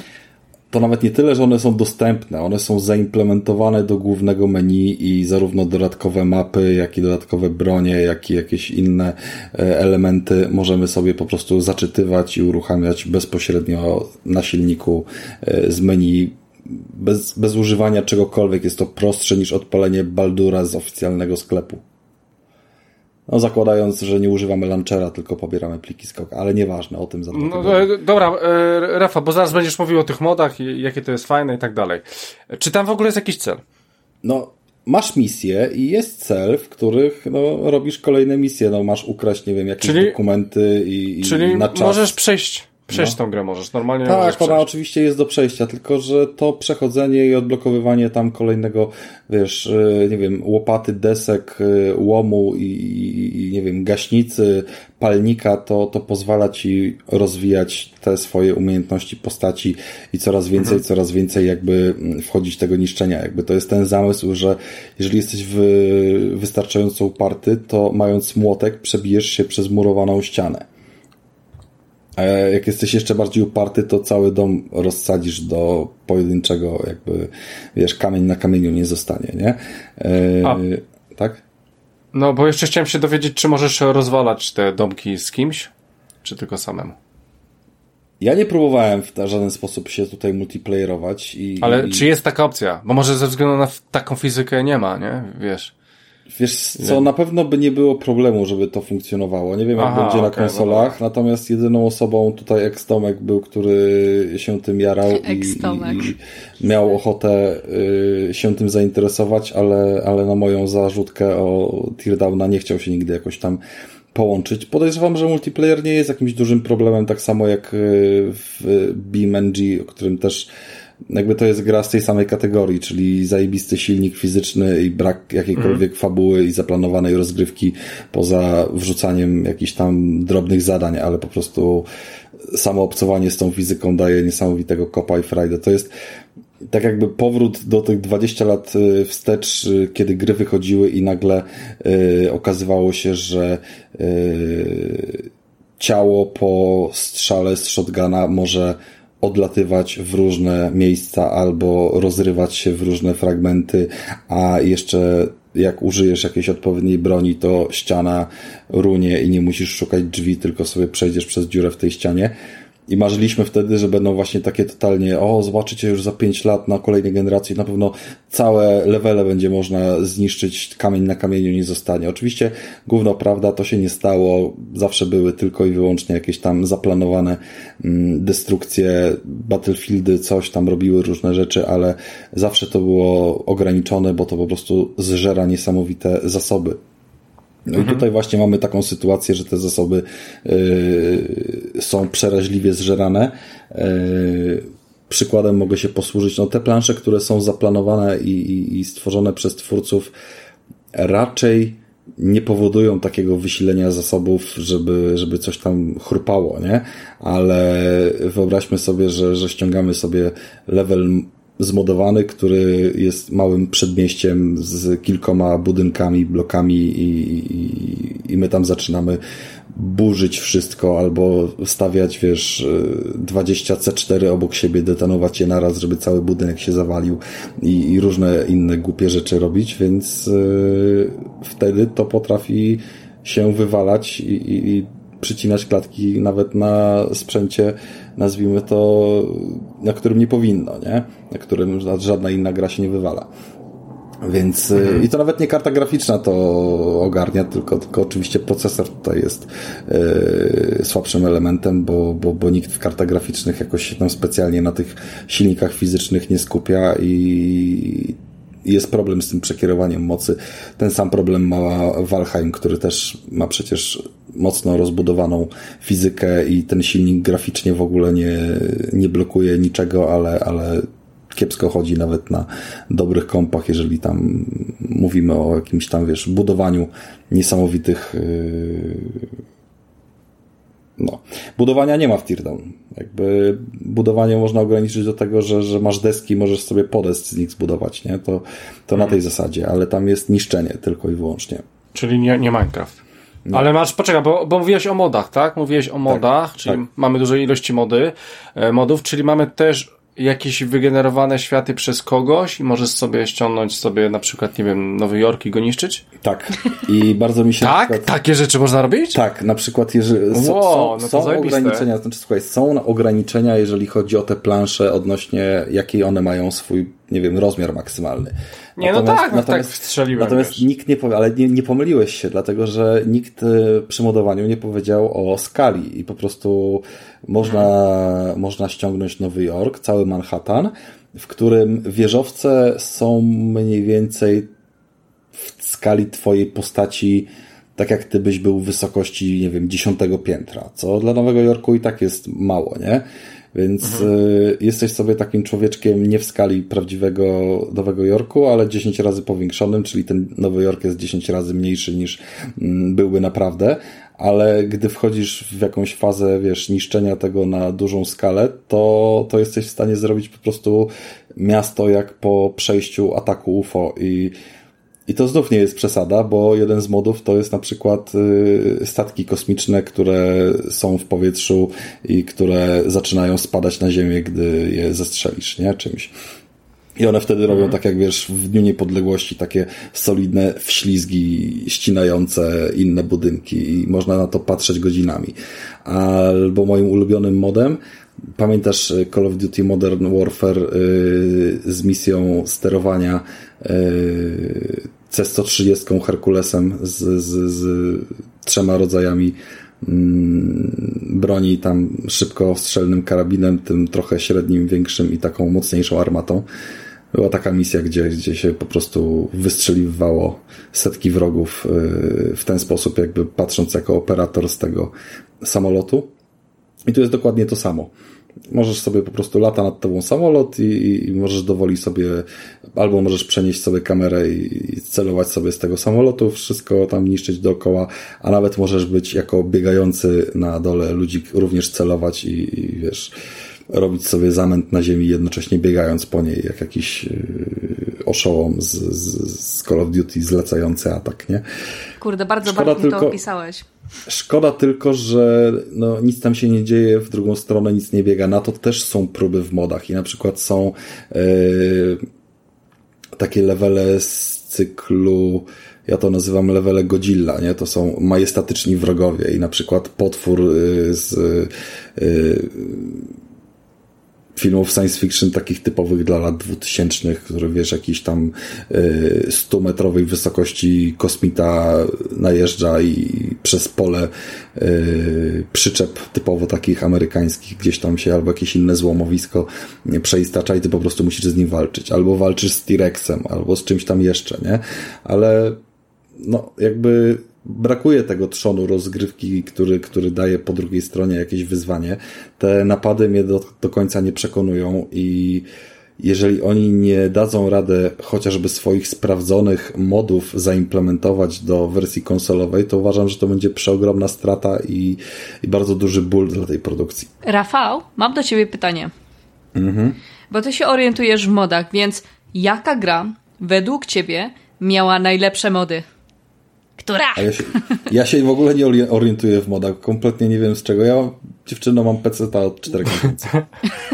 Więc Rafał od 4 ja, ja ci powiem, ja ci mogę powiedzieć, najlepsze mody to były i zawsze będą gołe cycki. I to świat nie potrafi tego wymyślić. I zapomniałeś o Mortal Kombat, Simsy i tak dalej. Wszystko zawsze się sprowadza e... do gołych cycków. Nie, e, do, jeżeli dobrze kojarzę, to w Hogwarts Legacy był taki mod, gdzie można bodajże grać CJ-em, ale nie jestem pewna. Tego też na PC nie. O, mhm. no ale nie, no jakby. Czekaj, aż dużo. to wygooglam, daj mi chwilę. Tego jest dużo. Nie wiem, czy wam kiedyś mówiłem, że mm, podjąłem taki projekt, żeby zmodować sobie Tomb Raidera, A, y, tego, tego ostatniego, którego wciąż nie ograłem. Tylko, że ma Shadow Tomb Raider mam wersję z Epika, bo taka mi wpadła do, do portfela. I wersja z Epika jest na tyle inna od wersji ze Steama, jeżeli chodzi gdzieś tam o, o tą, nie wiem, dystrybucję plików, że nie da się jej zmodować. Trzeba robić jakieś hmm. tak niesamowite, głębokie inwazje w te pliki, że, że jest to kompletnie zniechęcające i, i nie da się rozebrać Lary w wersji z Epika, nie? więc... Szkoda. A nie, tak na poważnie, że dla ciebie mody to tylko cycki, czy to tak raczej estetycznie? Nie, no proszę cię, no jakby... To nie, jakby, jeżeli o to by chodziło, to, to nie wiem, to nie musiałbym modować, grałbym tylko w Baldura i tam można rozebrać od razu, wiesz... Fair point. I, Fair point. I też, tak, I też tak grałem i spoko, jakby to, to nie ma problemów, jakby jestem oswojony z cyckami, bardziej chodzi o badanie możliwości, nie? Badanie możliwości Które... cycku które gdzieś tam daje. E, nie było ciekawych modów do wyboru, jeżeli chodzi o Tomb Raidera, nie? Było bardzo dużo zestawów ciuchów i tak dalej i nawet nie chodziło o to, którego moda wgrać, tylko czy da się to zrobić i, i faktycznie był problem z tym Epikiem. Natomiast najbardziej lubię takie rozwiązania, które, które szanują tutaj czas gracza i pozwalają na tą implementację z poziomu mm, menu, launchera czy, czy cokolwiek. I to jest wtedy super, bo, bo to jest w jakiś sposób weryfikowane, bo to działa, bo to się samo aktualizuje i nikt nie ma z tym problemu. I tu jest pewien plusik dla Bethesdy, um. bo, bo to jest pierwsza chyba przecierająca szlaki modowania na konsolach y, firma, która wprowadziła je do Fallouta, z tego co pamiętam, czwórki i, i nie wiem jak było w Skyrimie, ale, ale ogólnie wiem, że to zrobili. E, w ogóle co do modów, bo ty jesteś fanem Metal Gear Solid, dobrze, dobrze zapamiętałam? Tak. Ty kojarzysz tego moda z Metal Gear Solid 5, gdzie Ocelot tańczy w deszczu? Seksownie, tak? Nie dlatego, że ja Metal Gear, jakby ogólnie wszystkie poza pierwszą częścią, znaczy może inaczej. Nie wszystkie, ale pierwotnie zawsze grałem na konsoli i, i, i już tam w to nie wchodziłem jakby tak bardzo. Eee, ale można by poprawić dużo rzeczy i ogólnie mody są spoko, jeżeli poprawiają mm, poprawiają naprawdę rzeczy wartościowe. W zeszłym odcinku czy nie w zeszłym odcinku, tylko w tym, w który ty z nami nagrywałaś ostatnio, była dyskusja o nieśmiertelnych Hirosach trójki, trójce. Oj, tak. I, I te Hirosy są nieśmiertelne w dużej mierze właśnie dzięki modom takim jak e, Horn of the Abyss. O Jezu, tak, to jest tak dobry usprawnieniu tam jest po prostu takie usprawnienie rozgrywki, tak niesamowicie to wszystko działa. W ogóle system gry y, multiplayerowej, który pozwala grać jednocześnie w turówkę, to, to są wszystko wspaniałe rzeczy, które ktoś gdzieś tam wymyślił i No i szkoda tylko, że, że wiadomo, korpo nie docenia, korpo chce kasę, no więc jakby... E, czy dobrze kojarzę, że Hota będzie wprowadzać nowe miasto? Nie wiem, Hota ma już wprowadzone jedno, a nie wiem, czy pracuje nad kolejnym. Bo Tego właśnie e, tak coś słyszałam, że, że ma ponoć wjechać nowy zameczek, ale nie jestem pewna, więc sobie rączki za to uciąć nie dam. No ale nie o Hirosach mieliśmy gadać. Ej, o Hirosach zawsze, mogę, zawsze mogę porozmawiać o Hirosach. O, to miał być ponoć Factory Town. No właśnie tutaj szybko śmigam e, informacje na internecie. No. możemy iść dalej. Więc słuchajcie, mm, chciałbym to podsumować w ten sposób. Skoro Krystian już powiedział wcześniej, że w ankietach y, gracze PC-towi raczej omijają nasz podcast i wcale ich za to nie winimy, Wręcz przeciwnie. Ej, ja was Wręcz słucham. przeciwnie. No i ty zaznaczyłaś te 1-5%, bo nawet ja tego nie byłem skłonny zaznaczyć. No. Um, ale nie omijajcie takiego tytułu, jakim jest y, Teardown. Nie wiem, w jakiej on wyjdzie cenie jeszcze. Ale Teardown wyjdzie też na konsolę, Rafał. Właśnie dlatego czekać. o tym mówię. Aha, bo to jest wiem, po, że mody. Po to jest ta recenzja. Baldur's Gate ja... też wyjdzie na konsolę zaraz. Mm, Dobra, ale Baldur jest Baldurem i jakby on będzie funkcjonował sobie w pełni tak, jak powinien, podejrzewam, na tych konsolach. Natomiast yy, plus kooperacja. Teardown, tak, Teardown po prostu uważam, że bez modów jest stosunkowo pusty, w sensie, że, że naprawdę nie będzie aż tyle frajdy w tym, bo dla mnie to jest tytuł, który po prostu można odpalić sobie właśnie na pół godziny i coś rozjebać. Najbrutalniej w świecie mówiąc. Nie wiem, Dosłownie. Odpalę sobie Nowy Jork i, i go zniszczę. Dzisiaj w taki sposób, jutro w inny, nie? E, zobaczę, czy, czy wiesz, czy to. Może się... World Trade Center będzie jeszcze stało w jakimś, wiesz. Tak. Nie powiem, mam pewne zastrzeżenia co do tego, jak się gdzieś tam, wiesz, yy, duże wieżowce niszczą, bo wielokrotnie testowałem, czy potrafią zrobić sobie ten efekt takiego tu, tu, tu, tu, tu wiesz, że się składają z góry na dół. I, I to do końca tak nie działa, bo jest chyba problem z masą własną e, tych obiektów, żeby one się pod sobą gdzieś tam, wiesz, roztrzaskiwały. Podejrzewam, że to może mieć też związek z typowo jakby projektem danego, wiesz, że klocki nie mają problemu, tylko ten, kto tworzy mapę jest, jest tutaj problemem, nie? Mhm. Ale jeżeli gra wyjdzie bez jakby takich zawartości, chociaż kilku poza tą po prostu ganianiną z udawanymi jakimiś tam włamaniami i, i zrobieniem czegoś, jakby to jest też super test na kreatywność, ale to, to będzie niesamowicie wybrakowane i bardzo mocno trzymam kciuki, że, że rozbudują to nie pomijajmy tego tytułu. Ja go po prostu pewnie nie wezmę, chyba że go jakoś dorwiemy w testach, ale no, ogrywając wersję PC-ową raczej nie będę sięgał po, po wersję konsolową tak prywatnie dla siebie, a, a nie chciałbym, żeby to poszło w zapomnienie, jak będzie premiera, nie? bo to się czasem, czasem też zdarza u nas. No i okej. Okay. No i okej. Okay. E, no dobra, to tyle, Rafale, tak? Rozumiem? Tak, to tyle. Dobra, słuchajcie, więc e, persona będzie na końcu, więc teraz powiem troszeczkę ja. E, słuchajcie, jeżeli dobrze wiecie, nie wiecie, mm, no to są te dwa odcinki, jeżeli chodzi o gry planszowe i najnowszy odcinek o grach planszowych będzie już w kwietniu, czyli za pół roku. E, wtedy będę mówił o zaawansowanych planszówkach. Ale zda, zdarza się tak, czasami, a bardzo rzadko, ale się zdarza, że postaram się o jakiejś planszówce powiedzieć na odcinku, jeżeli jest ku temu okazja. E, plus, e, no będę mówił o zaawansowanych, więc jeżeli mam mniej niż zaawansowane, no to też postaram się o tym powiedzieć. No i dzisiaj jest taki dzień, w którym powiem o planszówce. Powiem o planszówce ze względu przede wszystkim na jej tytuł, e, ponieważ ograłem planszówkę Dead by Daylight, czyli na podstawie gry, asymetrycznej gry, która jest dla mnie sztosem, czyli po prostu Dead by Daylight. E, słuchajcie, miałem przyjemność zagrać w pięcioosobowym składzie, dwie partie. E, I ta planszówka na to czekała, ponieważ e, zasady tej planszówki są jeden do jednego takie jak gry. Praktycznie z jedną z drobną zmianą. No i ta planszówka jest taka, że musi być na pięciu graczy. Minimalna ilość graczy to trzy, ale dwie, dwie osoby grają dwoma postaciami, a jedna osoba jest zły, złym, czyli jest killerem, czyli zabija. Więc suma summarum, pięć postaci musi być na planszy. Więc jak gra czterech graczy, to i tak pięć postaci jest na planszy. Więc optymalnie dla tej planszówki najlepiej zagrać w pięć osób i udało mi się to zrobić. E, no i tak, słuchajcie, no ogólnie Dead by Daylight jest takim troszeczkę moim, chyba takim troszeczkę moim, e, moimi takimi hirosami albo metalem, jeżeli chodzi o Rafała. E, powiem wam, że to chyba jest jedna z lepszych w ogóle gier multiplayerowych, jakie było mi zagrać w życiu. No, ponieważ jest, jest zajebiste, cały czas baza się, baza się powiększa, społeczność jest ogromna, E, ja oczywiście nie mówię o nowych sezonach, które wychodzą do gry komputerowej, ale dla, ciekawostki podam, że wychodzi nowa plansza. E, bardzo ciekawa, e, ponieważ wychodzi nowy killer, będzie to Alien. Więc alienem będzie można gonić i zabijać, no kurwa sztos.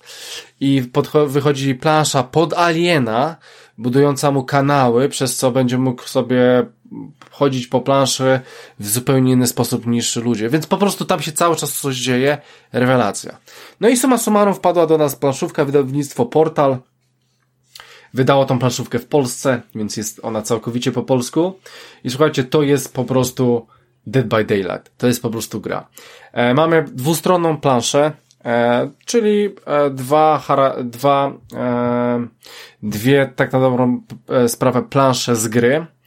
E, więc jeżeli znudzi nam się jedna strona, odwracamy planszę, gramy drugą stroną, e, stronę i tam mamy bodajże 14, 15 czy 16 obszarów na tej planszy, po których będziemy się ruszać. No i zabawa polega na tym, że oczywiście killer, ja akurat byłem killerem, nie wiem, nie wiem czemu ja, ale ja byłem killerem, e, najlepiej mi to wychodzi. E, wziąłem sobie, e, już, już nie pamiętam nawet jaką postać, e, bo tam się wybiera te postaci i, i ocaleni czyli cztery osoby, z którymi grałem. No i zabawa polega na tym, to samo co w grze, że ocaleni muszą naprawić silniki, generatory w planszówce 4, w, w grze, w grze komputerowej 5, e, no i otworzyć na końcu bramy i uciec. E, no i ja oczywiście jako zabójca muszę ich gonić. No i słuchajcie, mam swoją, e, mam swoją kartę, e, mam, mam swoją kartę postaci, więc e, wiem, e, wiem co, może inaczej. Mam swoją kartę postaci, w której mam e, akcje, które będę wykonywał akcje. E, mam dodatkowe umiejętności, mam jedną taką pasywną umiejętność, w sumie mm, ona jest nazwana w tej grze jako moc. Mogę ją używać raz na rundę i ona jest taką mocną dopałką. E, poza tym każda postać ma jedną turę, ja mogę mieć, ja mam dwie tury, a mogę mieć trzy tury. E, w zależności, czy wydam pewną walutę, e, te punkty krwi w sumie, które występują też w grze. E, no i co? No i zabawa troszeczkę polega na takiego, na kotka i myszkę, ponieważ wszyscy, wszystkie ja i czterech moich ocaleńców wybieramy akcje, które będziemy robić, zakrywając kartę. I e, polega to mniej więcej na tym, że e, powiedzmy pole, obszar, na którym jesteśmy, łączy się z czterema innymi obszarami, czterema różnymi kolorami. Ja wybieram jedną kartę, powiedzmy, że wybrałem kolor czerwony, będąc ocalonym, co oznacza, że będę poruszał się ocalonym po czerwonym, po czerwonej linii na kolejny obszar, na którym może być generator, który muszę naprawić. E, no i każdy, każda postać wybiera sobie e, taką kartę, gdzie chce iść. No i ja, będąc zabójcą, muszę rozkminiać, gdzie oni będą chcieli iść, żeby wejść w to same pole, żeby mógł zaatakować e, ocalonego. E, no i to jest taka gra troszeczkę dedukcyjna, może nie do końca dedukcyjna, ale po prostu trzeba rozkminić, kto gdzie jak się poruszy i będąc e, złym, muszę wybierać, e, używając swoich umiejętności, poruszać się do przeciwników jak najszybciej, jak najłatwiej ich zaatakować, jak najszybciej ich zaatakować i po prostu wieszać ich na haki, bo w planszówce też występują haki. E, przez co oczywiście on, on nie może zaatakować, muszą go zdjąć, a mogę sobie go e, przyczaić się na nim i tak dalej, i tak dalej. Co ciekawe, w tej grze e, oczywiście ocaleni mogą ze sobą dyskutować, ale muszą to dyskutować e, na ten temat jawnie, czyli w ten sposób, żeby po prostu zabójca o tym słyszał, tak? No, no, takie są zasady. No i czasami są śmieszne opcje, kiedy na przykład jedna osoba, ej dobra, to ty pójdziesz, to, to ty pójdź, uratuj go, e, ściągnij go z haka, a ja pójdę do tamtego generatora. No i to wszystko jest jawne, tak? Więc ja już wiem, co oni zrobią. Więc ja mam też swoje akcje i ja sobie też je przygotowuję, więc wiem, że na przykład jedna postać idzie tu, no dobra, no to ja też tam idę, no to przynajmniej go zdejmę. Druga postać pójdzie tu, dobra, to też go zdejmę. Oni mają tylko jedną turę, więc oni przy, mogą się przedostać z punktu A do punktu B, natomiast zabójca też ma takie akcje, ale ma dodatkową kartę, której nie ma nikt, czekaj. I ta czekaj to jest troszeczkę game changer, bo przy dodatkowej trzeciej turze, którą mogę, mogę sobie stworzyć, wydając pewne, pewną walutę w tej grze, mogę, mogę czekać i zobaczyć, co się wydarzyło i używać karty w pewien sposób. Bo e, z tego, co się orientuję, kurczę, e, powiem wam, że już e, grałem jakiś czas temu i do końca, i do końca nie wiem, jak to wyglądało, ale wyglądało to mniej więcej tak, że ja tą trzecią turę odpalam już na samym końcu, jako dodatkową opcję. Więc druga tura moja wyglądała, e, brałem czekaj, wszyscy zrobili turę, ja przeczekałem i szedłem po prostu tam, gdzie był przeciwnik. Ale e, tak, to, to miałem taką, e, taki skill. No i słuchajcie, macie też bardzo fajne umiejętności, jeżeli chodzi o kart. Każdy ocaleniec też ma, e, też ma swoje umiejętności. E, więc e, możecie na przykład e, niszczyć mi e, różne rzeczy, stawiać mi palety, e, żebym, żebym ja, ja mówię ja jako zabójca, bo ja grałem tym zabójcą dwa razy w sumie, e, żebym miał po prostu ciężko, żeby cały czas mi coś psuć. No i można chować się do szaf, tak jak w grze, można, e, można niszczyć czaszki i tam dostajecie się walutę. No można robić, kurczę, można robić takie rzeczy jak, jak po prostu w, w tej grze. I powiem wam, że grając wiele tych planszówek, naprawdę mam, mam naprawdę ogromne liczby. Oczywiście może być to mocno subiektywna ocena, bo chyba taka jednak troszeczkę będzie, ze względu na to, że lubię ten, ten, ten tytuł. No to mamy naprawdę odniesienie planszówki jeden do jednego i to na bardzo dobrym poziomie. Na bardzo dobrym poziomie, ponieważ no są emocje, tak? No w, w gra dostarcza tych emocji, jeżeli chodzi o gra na konsolę. E, no i ta, ta też dostarczała e, emocji. Ja po prostu się śmiałem, jak oni w czwórkę sobie rozkminiają, gdzie mają iść i zastanawiają się, gdzie ja pójdę. No i po prostu śmiać mi się chciało, bo może miałem zupełnie inny pomysł, a później mnie rozkminiali, co robiłem, bo miałem taką postać nastawioną na teleporty, no i już rozkminiali, co będę robił i jak będę grał. No i, no i tak robiłem, no i tak robiłem, bo to był złoty środek. Przynajmniej dla mnie w danej sytuacji. E, tak. E, więc powiem wam tak, że gra się super, tak? optymalna liczba graczy to jest 5. Słyszałem, że na 3 działa bardzo dobrze, kiedy, kiedy każdy weźmie sobie te, te dwie postaci I, i, i ma to sens i jest podobno spoko. Nie wiem, nie próbowałem. No gry na dwie osoby to to nie ma i chyba by było moim zdaniem bez sensu. Eee, bo to, znaczy jest wariant na e, BGG, można sobie zagrać dwójkę i nawet ktoś stwierdził, że, że całkiem nieźle e, to wygląda, no ale jednak gra rozwija skrzydła tak mi się wydaje, na, na pięć osób. Ja ją sobie po prostu trzymam. Jak mam piątkę, no to będę odpalał, tak? Bo, bo, bo jest fajna, bo jest ciekawa. E, co chcę powiedzieć, można się zastanawiać, tak samo można się zastanawiać, jeżeli chodzi o grę e, na konsolę, ale też tą grę plansz, planszową, jak jest z balansem, nie? E, czy, czy lepiej się gra jednak ocalałym, czy lepiej się gra e, no właśnie tym, tym zabójcą. I powiem wam, że pierwszą grę wygrałem, drugą grę przegrałem, drugą grę przegrałem, bo w pewnym kluczowym momencie, ja widziałem ten moment i widziałem, że jeżeli zrobię źle, to mogę, to mogę utopić. Poszedłem inaczej. Poszedłem inaczej, bo rozkminiłem, że, że być może tam pójdą. Trochę zaryzykowałem, gdyby tam poszli, miałbym wielką wygraną, powiedzmy wielki sukces, ale no niestety się nie udało. E, no i przegrałem. I wiem, w którym momencie przegrałem, więc to też jest bardzo fajne, że, że po prostu, e, no, że wydedukowałem, troszeczkę też zaryzykowałem swój ruch niepotrzebnie, tak? E, słuchajcie, postaci są bardzo różne, nie ma ich dużo, chyba killerów jest pięć albo sześć, a postaci jest sześć albo siedem tych ocalałych. Mogło być, by, być ich więcej. No i co ciekawe, jest ich więcej. E, wydawca tej gry, e, który e, ma prawo do tej planszówki, ma prawo do tego tytułu, wydał dwie opcje. Właśnie podstawową i wersję deluxe. Tylko problem polega na tym, że ta wersja deluxe ma wersję podstawową i bardzo mnóstwo dodatkowych rzeczy, a nie można do wersji podstawowej kupić sobie tych rzeczy. Więc albo bierzesz, bierzesz wszystko, albo zostajesz z podstawką. No ja mam akurat podstawkę, bo e, wersja deluxe nie była akurat tłumaczona, a ogólnie, ogólnie mi nie zależało, bo chciałem po prostu zobaczyć, jak to będzie wyglądać, bo ja z doświadczenia wiem, że gry próbujące być jeden do jednego e, planszówką, gry, kompu- e, gry planszowe, które e, gry normalne, które chcą być planszówką, no często wtapiają i nie wychodzi to zbyt dobrze.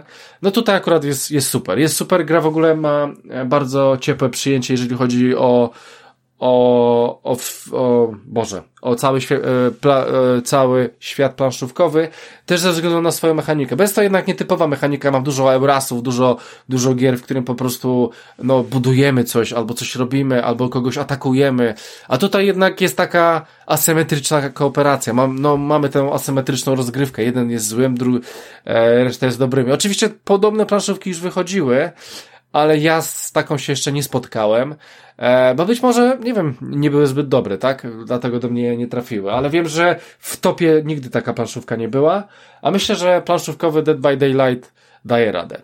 E, no i co mogę powiedzieć? Ja za planszówkę dałem chyba dwie, czy 250 zł. Za 60 zł dostarczyli mi ją do Anglii.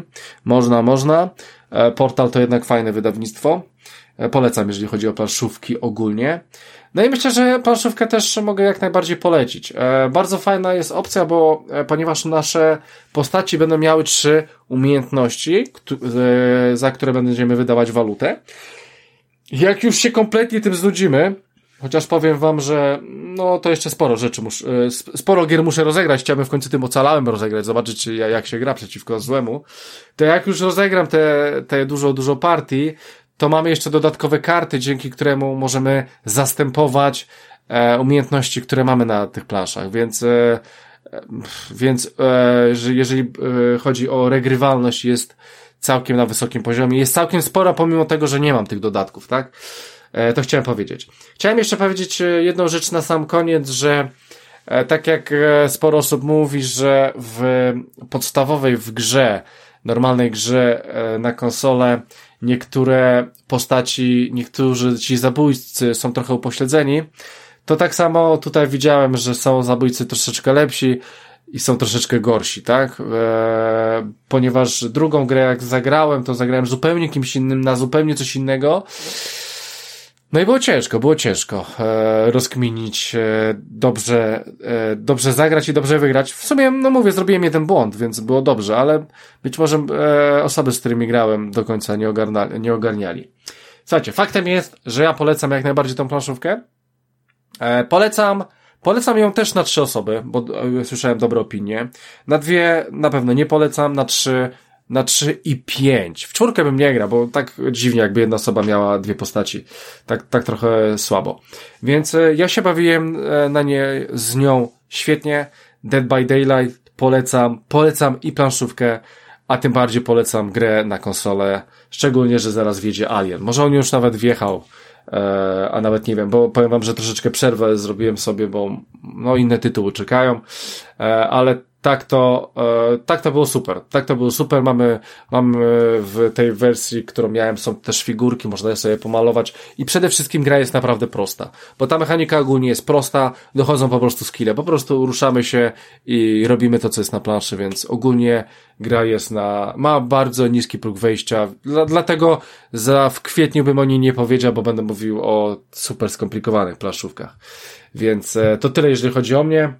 E, I przejdźmy, no i przejdźmy do tej persony, e, do tej persony 5, do persony 5, która za mną chodzi, która chodzi, chodzi za mną ten klimat, która no wygląda fajnie, bo widziałem tą kreskę i w ogóle to takie rozstrzelane dymki wszędzie Kurczę, i to wszystko takie jak o tym chaotyczne. Mówisz, to styl graficzny no. w Personie 5 to jest dla mnie majstersztyk, o czym wspominałam też w moim podcaście Górnolotni.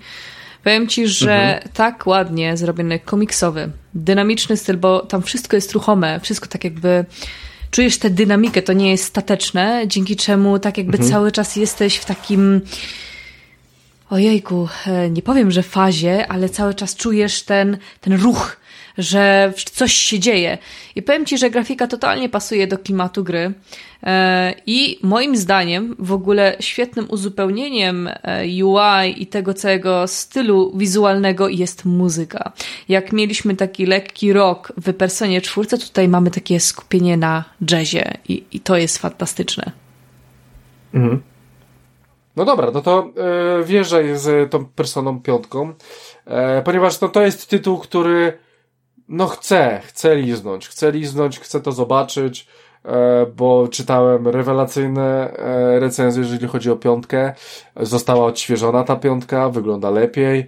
Zaraz wychodzi jakiś Tactics, więc ogólnie e, no ta Persona 5, no to sporo się przy niej rzeczy dzieje, tak. sporo dobrego się przy niej rzeczy dzieje. No i powiedz mi, czy warto? Możesz tam troszeczkę się odnosić do czwórki, jak tak bardzo chcesz. Oczywiście co, bo e... mm, każda persona ma taki pewien smaczek, który jest tak jakby powiązany ze sobą. Jak zobaczę daną część i zobaczę jej stylistykę, to ja będę wiedzieć po prostu, że to jest persona. Tak samo w personie trójce, e, w personie czwórce, w piątce. Po prostu czujesz ten smak, ten styl. Jeżeli chodzi o mhm. piątkę, to bardzo podoba mi się ujęcie też um, bohaterów i ich portretów, o tym, że mają swoje zwycięskie pozy, o tę komiksowość, o to właśnie, o to taką żywotość, takie życie tę konsekwentność stylu, ponieważ e, wszystko jest dopasowane, wszystko ze sobą współgra, jest taka konsekwentność. W ogóle podoba mi się również, że e, mhm. jak e, powiedzmy jedziesz pociągiem, to nie masz takiego samego loading screenu jak gdzie indziej, tylko pokazują ci się ludzie z metra, którzy stoją, znaczy sylwetki, zarys sylwetek ludzi z metra, którzy po prostu stoją.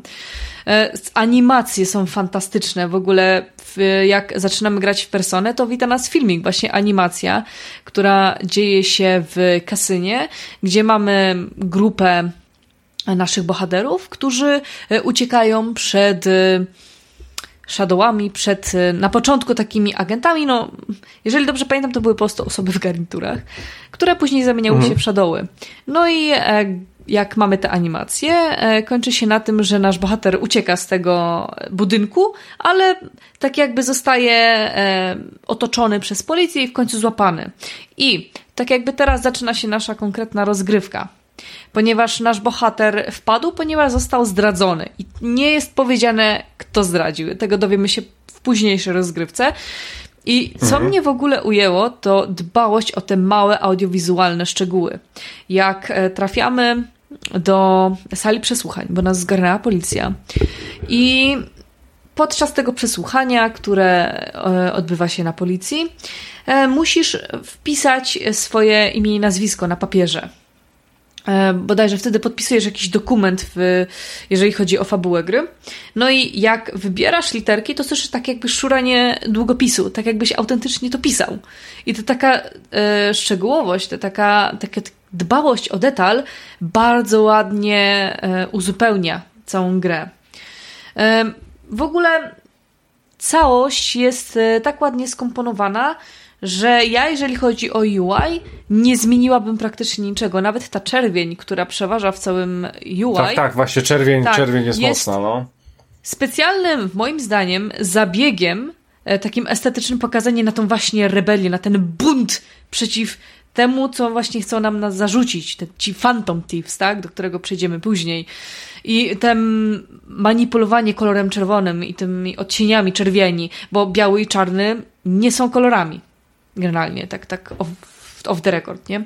Więc mamy manipulację tą czerwienią, ładną e, kierowaniem tym kolorem i powiem wam, że te ostre kontury, te ta taka komiksowość podkreśla charakter praktycznie e, również w moim subiektywnym znaczeniu każdej z osób, bo każda z osób, bohaterów pobocznych, jak i główny bohater mają wyrazisty mhm. charakter. Są pewne dominujące cechy, które wyznaczają, um, nie wiem, tak jakby jedna cecha przeważa i pokazuje, e, opisuje daną osobę. Powiedzmy, Ryuji e, jest taki zadziorny i e, można powiedzieć, że nie jest zbyt lotny intelektualnie, ale jest bardziej pokazany jako taki bardziej fizyczny, prawda? Żeby nie było, nie, nie, nie wrzucam tutaj nikomu, kto się zajmuje jakimikolwiek zawodami fizycznymi, to nie o to chodzi. Mhm. Ale no wiesz, są ataki na przykład magiczne, fizyczne podczas rozgrywki, jak mamy te personale, do tego też przejdę później. E, w ogóle jeżeli chodzi o grę, to fabuła zaczyna się tak, że nasz główny protagonista trafia do rzeczywistości współczesnego Tokio do Akademii Shujin z powodu oskarżenia o napaść, które jest e, oskarżeniem fałszywym. Nasz bohater wstawił się w obronie pewnej kobiety, która była napastowana przez inną postać, która będzie również ważna w fabule, ale tego się dowiecie później. No i ta postać okazała się wpływową osobą, która sprawiła, że no, miał wpisane, nie wiem jak to powiedzieć, criminal record. Jak to przetłumaczyć? No, kartotekę, kartotekę kryminalną, jakąś tak, utworzoną. Tak, coś no, no, no. no i Siudzin Akademii, jako akademia, która chcąca sobie poprawić wizerunek, przyjęła tego ucznia, ale również tak jakby e, łaska, prawda? No bo to jest kryminalista, mimo że główny bohater zrobił to w dobrej wierze, a kobieta sama pewnie była zastraszana i no pewnie dlatego skończyło tak, jak się skończyło. Ale o co mi chodzi? Nasz bohater trafia właśnie do, tej, do tego Siujin Akademii. No i poznaje tam swoich kompanów e, podczas e, no, całej historii.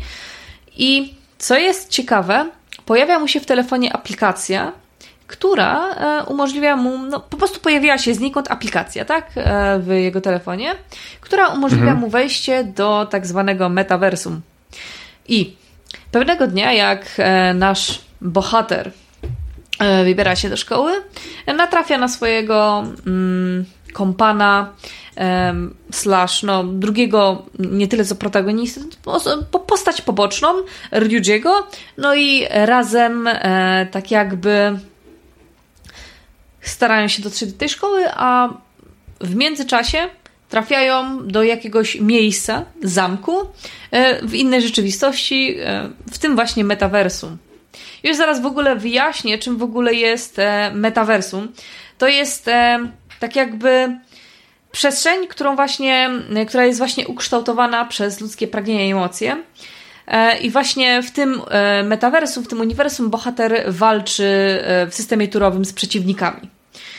E, taki e, znajdują się tam pałace i tak zwane mementos. Mementos to jest tak jakby e, miejsce, w którym no, zbiorowy, pałac zbiorowy dla bla, bla, masą maślane. Mementos to jest po prostu miejsce, w którym taka ludzka myśl przybiera bardziej namacalną formę i to jest taki pałac na wszystkie nieświadome serca, które nie były na tyle skorumpowane, żeby wytworzyć własne pałace.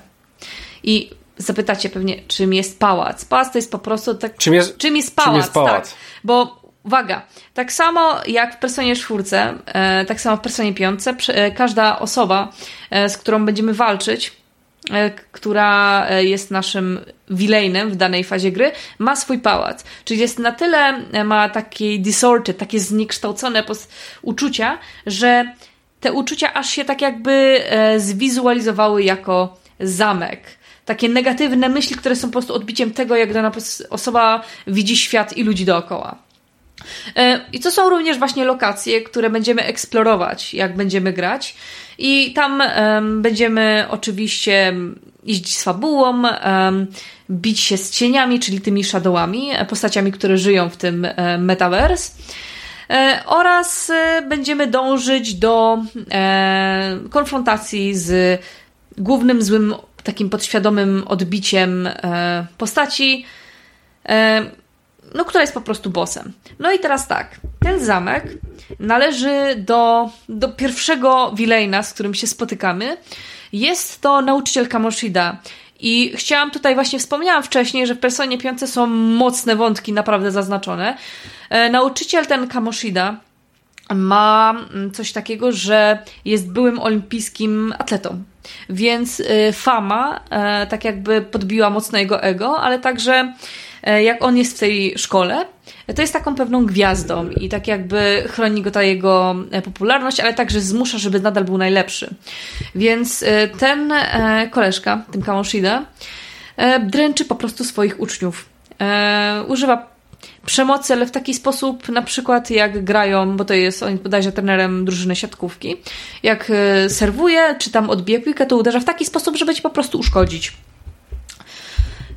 I ten nauczyciel okay. również nadużywa, e, napastuje e, pewną uczennicę, która to będzie mały spoiler, która miała właśnie próbę samobójczą. I to jest bardzo odważne podejście, bo nie, raczej nie widziałam, żeby osoba, nie widziałam gry, w której jest to tak podkreślone. Ten, ten, ten problem, że ktoś kogoś tak dręczy, że ta osoba się e, tak jakby na własne życie jak to się nazywa, e, że bierze zamach na własne życie. No i jak mamy nakreśloną tę osobę, tego Kamoshidę, jest on osobą dosyć dominującą i chce, żeby jego klub siatkówki był no, najlepszy w szkole. No i mamy e, pierwszego mm, kompana, naszego głównego bohatera, którego poznajemy i z którym wchodzimy do tego zamku nieświadomie. E, to jest bodajże Ryuji, zaraz ci powiem, Ryuji Sakamoto. Tak, Ryuji Sakamoto i on jest biegaczem. No i e, klub biegaczy był dosyć mocny, prawda? No i stanowiło to zagrożenie dla Kamoshidy, który dążył tak jakby, żeby ten klub, no, no sabotować. No i mm, Ryuji ma tak jakby prywatny e, zatarg z Kamoshidą, ale jak już będziecie grać, będziecie wiedzieć mniej więcej um, o co chodzi. No i oni natrafiają mhm. na zamek tego Kamoshidy, eksplorują go, no i napotykają właśnie Shadowy. Um, no i następuje scena, właśnie, co jest też ważne, bo podczas pierwszej z tych takich poważniejszych e, walk, e, gdzie jest naprawdę, no, gorąco, że może dojść do naprawdę nieprzyjemnej rzeczy, protagonista główny tak jakby uwalnia z siebie swoją personę i ratuje Ryujiego z, no, ich oboje z dosyć nieprzyjemnej sytuacji, a robi to, uwaga, przez zrywanie maski. A jak wiadomo, maska, no, zrywa maskę tak jakby tych wszystkich pozorów. I metaforycznie, i dosłownie zrywa maskę po prostu z twarzy, z oczu. No i zrywa mhm. te właśnie pozory, które go więziły. No i e, też e, wspomnę, e, że maskę nosił również Filemon z pierwszej części Persony z 96 roku. No i tak nasz bohater odkrywa w sobie personę Arsène, e, Arsène Dupin bodajże pierwsza persona naszego protagonisty, Rena Amami, bo e, protagonista z persony nazywa się Ren Amamiya, a z czwórki Yuna Rukami. I teraz tak, możecie grać jako Ren Amamiya albo wpisać swoją własny, swój własny nick. To, to od was zależy, czy chcecie grać tak jak e, historia, no, tak, z takim nazewnictwem głównego bohatera, jak, jak jest w historii, czy chcecie po prostu jako, no, indywidualnie. Jako custom No właśnie, bo e, jak już jesteśmy tutaj, w ogóle ty, ty mówisz w jakimś dziwnym języku. Ja w ogóle nie wiem o co ci chodzi, to ale znaczy? spoko. Znaczy, w, w, sensie, w sensie e, rzucasz tymi imionami, e, że e, no A. po prostu nie jestem w świecie i... A, okej, okay, przepraszam, no, no, no. Nie, trochę nie, się wpłynęłam, dobrze. W, w, w, porządku. Ja chcę się ciebie spytać w takim razie, bo chyba w tą grę można też grać po angielsku, tak? Po japońsku i po angielsku. Można, można. I ty jak grałaś? I jak ja... ten dialog? Ja bo osta- grałam po angielsku. No, bo ostatnio gadaliśmy na temat finala, właśnie jak byłaś u nas. Tak. Że jednak e, angielski to jest przy finalu super, a japoński średnio, a ty tutaj przy personie grasz po angielsku, no to... I właśnie powiem ci, że... Dla mnie he herezja, mała herezja. A widzisz, ja to, ja to jestem kobieta, która... Ach, rebel, nie? Tak jak persona, Powiem... tak jakby staje naprzeciw tym konwenansom, jeżeli chodzi o granie. Mhm. E, ale tak, masz, masz te różne języki do wyboru. E, I o co chodzi? E, jeżeli chodzi o personę, to jak wspomniałam, każdy konfidant ma swój problem, który należy rozwiązać, bo w sumie w personie, jeżeli chodzi o odgrywalnych charakterów, to masz ich około wraz z bohaterem 10. I masz też coś takiego, że masz bohatera, tak jak w personie, który tak jakby jest supportem, ale z zewnątrz. Czyli nie jest y, tak jakby bezpośrednio w walce, ale tak jakby jest supportem z daleka. No wiem o co chodzi. Jest coś takiego w, no, w jednej z Jakuz. Znaczy akurat tam można sobie like go dragon, przy, nie? przywołać. tak, znaczy Like a Dragon, tak, nie, poczekaj. No, like tak, dragon, Like a no. Dragon. Tak. Tam, tam możesz sobie e, kupić takiego typu Tak. i on sobie tam w ogóle, od, co mnie najbardziej w Personie 5 ujęło, e, to persony. Mhm. Ja w ogóle jestem pod ogromnym wrażeniem, jaką robotę zrobili odnośnie researchu e, w mitologiach, jakie w ogóle zostały użyte. Do No dobra, to, to, ja, to ja po prostu ci powiem, ja przeczytałem właśnie, że Persona 5, słuchajcie, powstawała 8 lat. Ta fabuła powstawała 8 lat. Ja się nie dziwię. Te postaci powstawały 8 lat. No kto robi grę, która... W ogóle kto wypuszcza... Nie, kto tworzy 8 lat grę w tych czasach? Ktoś konsekwentny i no, ktoś, no kto... bardzo. Nie, serio. e, No, ja no tak, powiem, nie, ja mówię, że tak, tak, tak. To jak jest bardzo dobry tytuł i lepiej tak, niż żeby wyszła wcześniej i była festiwalem bugów. Naprawdę. To, Znaczy to nawet nie chodzi o bugi, czy tego typu rzeczy, tylko bardziej chodzi o przywiązanie do tego wszystkiego, tak? O, o to, żeby to było tak właśnie No. dokładne, tak właśnie fajne i, i tak dalej, żeby to było też wielowątkowe i tak dalej. Tak. Em, Ale powiem ci, jeżeli no, chodzi mów. o, o persony, to można, jest bardzo dużo możliwości. Możesz sobie je łączyć dowolnie, możesz łączyć dwie lub trzy persony. Mhm. Możesz tak jakby właśnie wybierać sobie takie abilitki, które one ci dają. Abilitki. To E, jest ciekawe. Chodzi o to, że jak masz personę, to ona tak jakby, tak jak w Pokemonach ma taką abilitkę, no nie? Która... No, no jak już wchodzimy w Pokemony, no, No, to nie, no, a, tak, a, taka słowo, analogia. słowo jest ciekawe. Słowo jest ciekawe, abilitki. E, tak. I masz, możesz Mhm. sobie je fajnie budować, możesz dostosowywać sobie zaklęcia, e, znaczy ja to tak nazywam, no umiejętności persony zaklęcia, których korzysta. Możesz bodajże korzystać z czterech, e, czterech zaklęć. Nie pamiętam dokładnie, czy to było sześć czy cztery zaklęcia w, No dobra, w mniejsza o to. Nieistotne, mniejsza o to. I można robić naprawdę fajne rzeczy z tym. E, Walka jest, w ogóle co jest fajne, że jak, to już bodajże w Personie czwórce było, że jak uderzysz Pokemona slash Shadowa, który ma daną, dany weakness, daną słabość, to po prostu on tak jakby upada i masz szansę na kolejny atak. I, I to jest zajebiste. Znaczy, pardon, to jest bardzo fajne. Em, Okej. Daje dużo możliwości w rozgrywkach. W ogóle jest coś takiego też jak. Um, bodajże nie baton pass, e, taka mechanika, gdzie możesz się wycofać i ktoś inny wskoczy tak jakby na twoje miejsce, tylko nie pamiętam, czy to była, mm, czy to było zaklęcie, czy to była po prostu e, tak jakby jedna z funkcji w walce. I jakbyś na przykład wymienił się z kimś, to tak jakby boostujesz jego atak e, lub po prostu boostujesz to, co będzie robił, więc nawet jak go zboostujesz, może mieć lepszy atak lub lepsze na przykład leczenie. W ogóle fajny jest motyw wspólnych ataków, że możecie robić wspólne ataki w, jako postaci. E, Fajne jest, jak zakończy się bitwa em, i pokonacie te persony, że pojawia się jakiś, em, nie wiem, obrazek. em, nie, nie pamiętam, czy to było za każdym razem, czy po prostu po jakimś super combo, ale to chyba było zazwyczaj po walce. e, Danego bohatera, który, no nie wiem, e, albo robił finish, albo miał e, znaczny impact na walkę. Nie jestem tutaj 100% pewna, ale wiem, że coś takiego było. I co jeszcze z walką, bo wiem, że to Cię mocno interesuje. No, E. zawsze lubiłem walkę. Za, za, zauważyłam. Co bym ci jeszcze mogła powiedzieć o walce? Znaczy o co, no, e, czyli rozumiem, że tak jak w czwórce, tak? Czyli masz trzech Masz jeszcze coś tak? takiego, masz weak, e, że jak trafisz na słabość i masz jeszcze To wiem, e, to, techniczne, to jest... tak jakby technical, em, tak jakby technical stan, jakbym mogła to tak subiektywnie określić. Aha. E, I co tam jeszcze było? To miało nawet swoją nazwę. Czekaj, tylko mogę muszę No dobra, czy, czy w piątce tak samo grałaś na Very Easy? Nie, na tylko normalu grałam w piątce. I nie grałam na very easy na, na w personie, tylko po prostu No, miałam to okej. ułatwienie, że jak umrę, to po prostu e, mi się Casual. Oni, no, casualowo. A, e, a miałaś problemy jakieś w walce? Czy udało Szczerze ci się... powiedziawszy, e, Czy udało niektóre- ci się zginąć w tej grze? W personie czwórce czy piątce?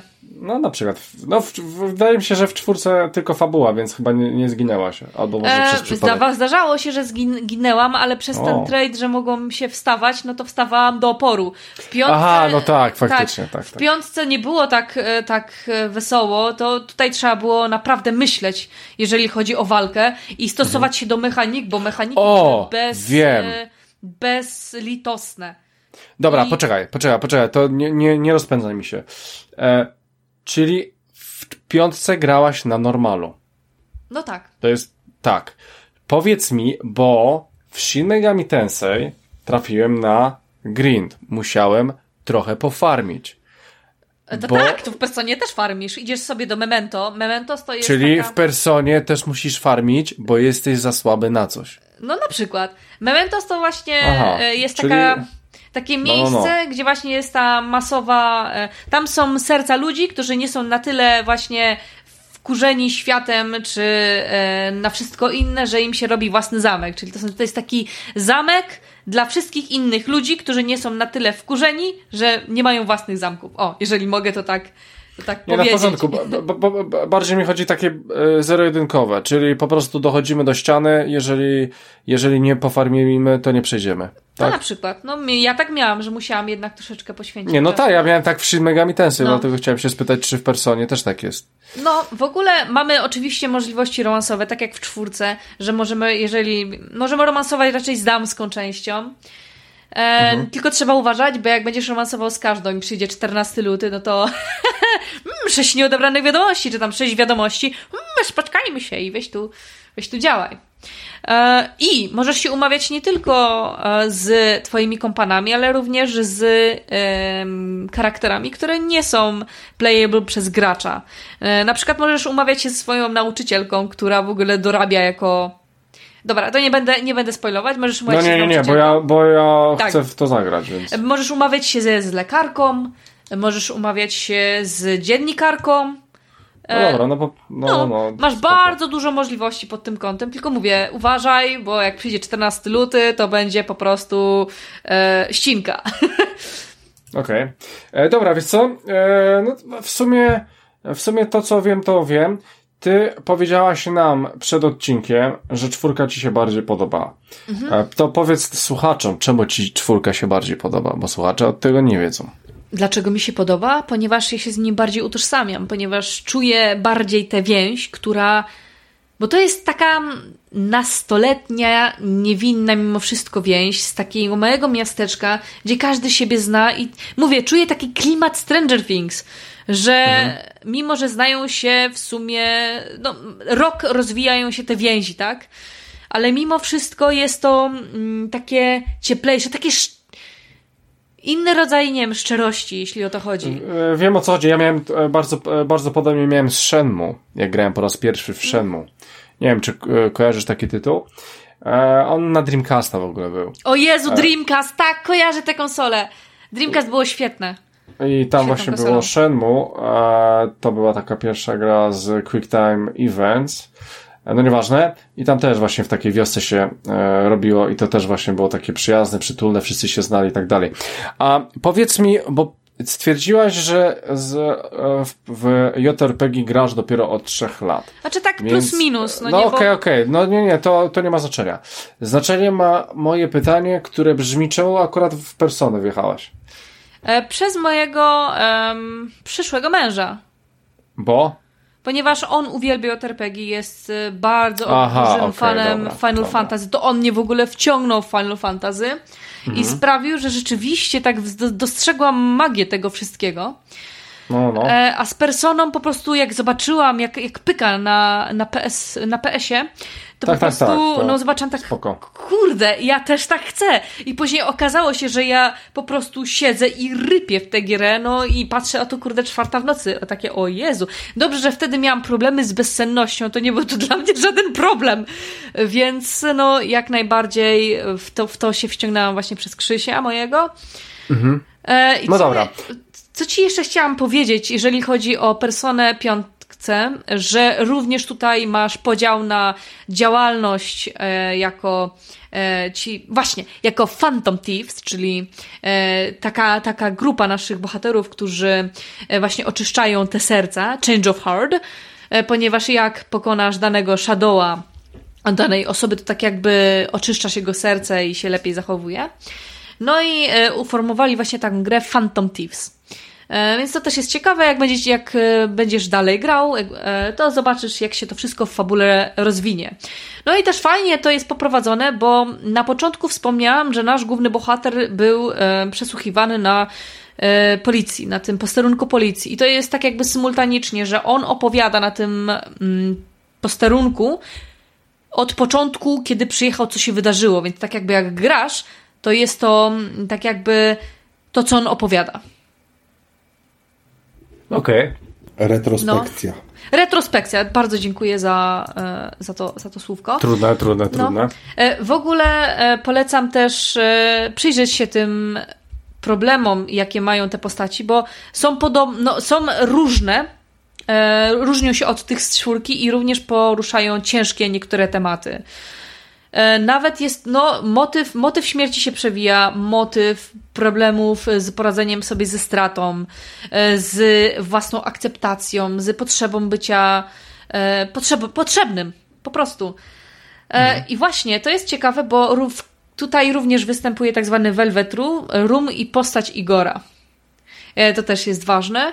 No i ten motyw motyla, który się tak jakby również przewija przez serię, e, przez całą E, serię. I Powiedz jest... mi... No. no, no, dobra, no. Nie, bo e, nie wiem, czy oglądałeś taki film Efekt motyla też trochę. Oczywiście, mój, No. jeden z moich ulubionych ever w ogóle. To, to mi się też tak trochę z tym kojarzy, z, z tym efektem motyla. E, I co ci jeszcze mogę powiedzieć, że Możesz- jak wzmocniasz konfidantów, przepraszam, że jeszcze dokończę, jak wzmacniasz konfidantów, to również dostajesz te bonusy w grze, możesz mieć umożliwioną fuzję na personę, której nie miałbyś, gdybyś e, nie rozwinął więzi z konfidantem. Bardzo dużo jest tu fajnych e, rozwiązań i naprawdę polecam w to pograć. Przede wszystkim e, też design postaci jest fantastyczny. E, nie dziwię się, bo mm, e, zespół, który za tym stał, który stał od praktycznie trzeciej części, e, to, to jest trójka takich em, złotych ludzi od Atlusa, zaraz, e, którzy odpowiadają właśnie bodajże za muzykę, za design postaci, E, i za coś, za coś jeszcze, tylko już nie pamiętam, ale to, to nie jest tak istotne. Można sobie to sprawdzić w tym na internecie. E, powiedz mi, e, na jakiej platformie ogrywałaś to, ten tytuł? Na Playu, PlayStation, Który, którym? bodajże czwórce. E, jak to wyglądało? U mnie chodziło spoko. Ja nie mam Znaczy, zastrzeżeń. chodziło, to ja wiem, że chodziło, ale jak to wyglądało? Czy to, czy... czy Wyglądało ładnie. Nie dostaną oczopląsów, jak teraz w to zagram? Dlaczego miałbyś dostać No bo rozmawialiśmy o czwórce, że tam był ziemniak. Bo mówimy o sześcioletniej grze teraz. Moim zdaniem ona się ładnie starzeje i Ty wiesz, właśnie tam to masz animowane takie pierdolę. Ja wiem, ja, ja, ja wiem. Chciałem to bardziej od niej usłyszeć, że, że mogę wjechać. No bo po, powiem ci, że przecież w Shin Megami Tensei 5, jak pograsz sobie na Switchu, no to ja myślę, że ta persona wygląda, sześcioletnia persona wygląda A. lepiej, no. E, No, jeszcze tylko to. wspomnę, że te osoby, które za tym siedzą, to jest właśnie. Polecam sobie wygooglować Katsure Hashino, Shoji Meguro czy Shigenori Saejima. I ten ostatni jest właśnie Przeliteruj, poczekaj, prze, przeliteruj to ja Czekaj, ja sobie wezmę kartkę w ogóle jakąś i, i sobie zapiszę. A ty jak mówisz shi, to SHI czy Ski, SZ? no, SHI. SHI. No. Okej. E, Powiedz mi, czy w tych personach jest coś, co jest złe? Em, coś, co jest złe. Hmm. Brak na przykład. em, mnie to troszeczkę przeszkadzało, że, mogę że mam ograniczone możliwości e, romansowania tylko na przykład z płcią, e, przeciwną. E, O Boże! No, I co jeszcze mi przeszkadzało? no. Ale poczekaj, poczekaj, że nie możesz, że facet z facetem nie może, tak? O to ci chodzi? No na przykład. Okej, no. Co jest w tym złego? Nie, nie, nie, nie, nie, tylko że, no, jeżeli masz taki Nie, minus, to nie ma spoko. nic, ale jak na grę, która ma 100 godzin co najmniej O, trzeba na nią ja więcej przeznaczyć. niż 100 godzin. Więcej niż 100 no, godzin ale to totalnie jest taki jakby mi- minimum, co trzeba zakładać i to, to mnie najbardziej przeraża, jakby wchodząc No, ogóle mnie też to przeraża, mnie też to przeraża. No, jakby jedyna Jest dużo opcja to- kontentu, E, I co ja mogę jeszcze, co by było wadą taką? E, ja akurat jestem sucker for dialogues, więc tutaj e, spoko, chociaż muszę przyznać, że Final Fantasy XIV czasami strasznie męczył pod względem dialogowym. Bardzo dużo tego klikania było i czasami głowa pękała, ale wracając do persony. A, wiem co mi nie pasowało. W personie czwórce nie podobały mi się dungeony, bo były strasznie takie, e, takie same. Praktycznie mało czym się różniły, jeżeli chodziło o poziomy. E, W piątce już to lepiej, w, w ogóle niebo a ziemia to, to jest zrobione, dungeony. I co? E, Wkurzało mnie może czasem, że e, za dużą uwagę przykuwają te shadowy. Chociaż i tak to na przykład w jedynce, w Persona Revelations, to cały czas, kurde, cię atakowały persony. Nie miałeś, po prostu idziesz pyk, pyk, pyk. Cały czas encounter. A to w Personie jedynce, Revelations. No okej. Myślę, że nikt, nikt do tego nie wróci nawet. Tak, taka ciekawostka Eee, po prostu. Kurde, widzisz, e, chciałem się coś ciebie spytać i mi teraz przerwałaś i nie... Przepraszam. Nie, no w porządku. E, czyli było pewnie e, mało istotne. E, Ty, ty nie pamiętasz, ty miałaś e, powyżej 100 godzin, Ja tak mi miałam około wydaje. 120 godzin. W piątce. Tak. Boże. Masakra. Ja, ja, Eee. się za, ja byłam po prostu, mówię, pierwszy raz byłam wdzięczna za bezsenność, bo mogłam cisnąć. Ale nie róbcie tego w domu, to nie jest zdrowe. Teraz mogę normalnie tak. spać. Masakra, no, no. E, w porządku. E, dobra, powiedz mi w takim razie, e, gdyby, bo, bo rozumiem, że czwórka wygląda jednak zde, zdecydowanie Ojej, słabiej. wygląda o wiele gorzej, ale mówię, czwórkę lubi się nie ze względu na grafikę, tylko ze względu na storyline i na klimat. I na muzykę. No dobra, dobra, dobra, to, to, to nie będę miał tutaj w takim razie już e, żadnego pytania. No dobra, myślę, że chyba e, możemy zakończyć. A, i jeszcze e, wspomnę o jednej rzeczy, persony. bo No, na mów, przykład mów. Persona 5, em, em, jak wyszła Persona 5 Royal, to wyszła z dodatkowym contentem, gdzie mamy tak jakby jeszcze dodatkowy dungeon, tak jakby e, w sumie bardzo em, skonfliktowaną postać, która niby jest, ma dobre chęci, ale wykonuje to źle, jakby to powiedzieć. I tak samo Mhm. w Persona 4 Golden ma dodatkowy content i dodatkową postać. E, więc warto ograć obie gry. Moim zdaniem warto ograć właśnie i Golden i Royal. E, bo, no cóż, mi, mi się podobało. Proste. No to na pewno, na pewno myślę, że gdybyśmy mieli więcej godzin w dniu, to ja bym na pewno to grał. No nic. No, ja mam teraz to, co, co miałam z Personą, mam z Baldurem i pewnie po tym podcaście Mhm. odpalę również Baldura. Myślę, że to się tak skończy. No bardzo możliwe. A, aha, dobra. No dobra. E, dobra, no to w sumie będziemy kończyć. Czy, e, mam nadzieję, że wiem, że niektóre c- był chaotyczny w niektórych momentach ten opis, ale mam nadzieję, że rzuciłam ci mniej więcej światło, jaką grą jest. Tak, nie, no jestem, jestem, no jestem napalony na ten tytuł, no pff, co, co z tego, co z tego, że jest na Game Passie, co z tego, że ja bym w to pograł, nie, e, nie mam czasu. No ale to tak jest. E, dlatego dobrze, że wpadłaś, dobrze, że e, powiedziałaś o tym tytule, bo nie było nam dane jeszcze na tym odcinku, znaczy w ogóle na, na tym podcaście, no i coś mi się wydaje, że i tak nikt do tego nie dojdzie. E, No, no dobra. E, No to e, w sumie fajna recenzja. Możemy kończyć nasz 243 odcinek e, podcastu bezimienny. Ja powiem takie rzeczy, których Rafał na ogół nie mówi, czyli, czyli uwaga. Nie, no na bezdechu nie. E, Wchodźcie na bezimienny.pl, tam wrzucamy odcinki. Poza tym jesteśmy na Facebooku i zamkniętej grupie facebookowej zapraszamy. E, oczywiście wrzucamy odcinki na YouTubie i na Spotify'u. E, jesteśmy również na Twitterze albo na Xie, zależy kto co woli. E, poza tym, e, poza tym mamy mail na bezimienny, bezimienny podcast małpa gmail.com, piszcie do nas.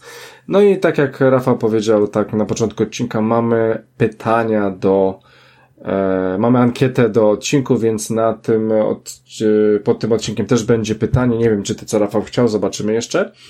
E, ale to na pewno odpowiedzcie na nie. Zauważyłem w ogóle, że z odcinka na odcinek coraz więcej osób e, odpowiada na te pytania. To dobrze, e, cieszymy się. No i oczywiście mamy swojego Patronite'a. W- wchodźcie na patronite.pl i wpiszcie bezimienny podcast, tam nas znajdziecie, jeszcze coś tam, jakieś limity są. Tak, o koszulkach nic nie będę mówił, o koszulkach powiem za dwa tygodnie i powiem wspólnie z Tomkiem. E, no i w sumie co, chłopaki pomału wracają z wakacji, e, dosłownie w przenośni, więc e, być może już e, pojawimy się w pełnym składzie za dwa tygodnie, a jak nie, to za cztery. E, to chciałem powiedzieć. E, no i to by było w sumie na tyle. Dzięki Gabi, że do nas wpadłaś. No jasne, Mam nadzieję, że ci. Że ci się podobało u nas. Troszeczkę pogadać Ja, o tej jak mogłam pogadać o personach, to jak najbardziej. Chociaż przyznam, tak, że tak. właśnie grałam to już jakiś dobry czas temu, ale Nie, no pewnie, emocje, pewnie. które towarzyszą, to ta gra autentycznie wpłynęła na mnie i na moje postrzeganie pewnych rzeczy. I mimo, że właśnie, mm, no mówię, grałam w to jakiś czas temu, to, to nadal niektóre fragmenty mocno z, no po prostu wryły się w pamięć. No i to oznacza, że tytuł był bardzo dobry w takim razie e, i został z tobą nawet po przejściu tej gry. E, no i myślę, że o to w tym wszystkim chodzi, nie? E, no, dobra, więc e, Gabi, dzięki, że byłaś z nami. No jasne. E, no i słuchajcie, my kończymy 243 odcinek. E, no to teraz powiem klasycznie. Ja miałem na imię Christian Kender, ze mną był Rafał Radomyski Dzięki wielkie, hej. E, i nagrywała dzisiaj z nami gościnie Gabi Zubek. Dzięki wielkie. E, No i słuchajcie, my słyszymy się standardowo za dwa tygodnie, więc do usłyszenia drodzy słuchacze, trzymajcie się. Hej! Ciao!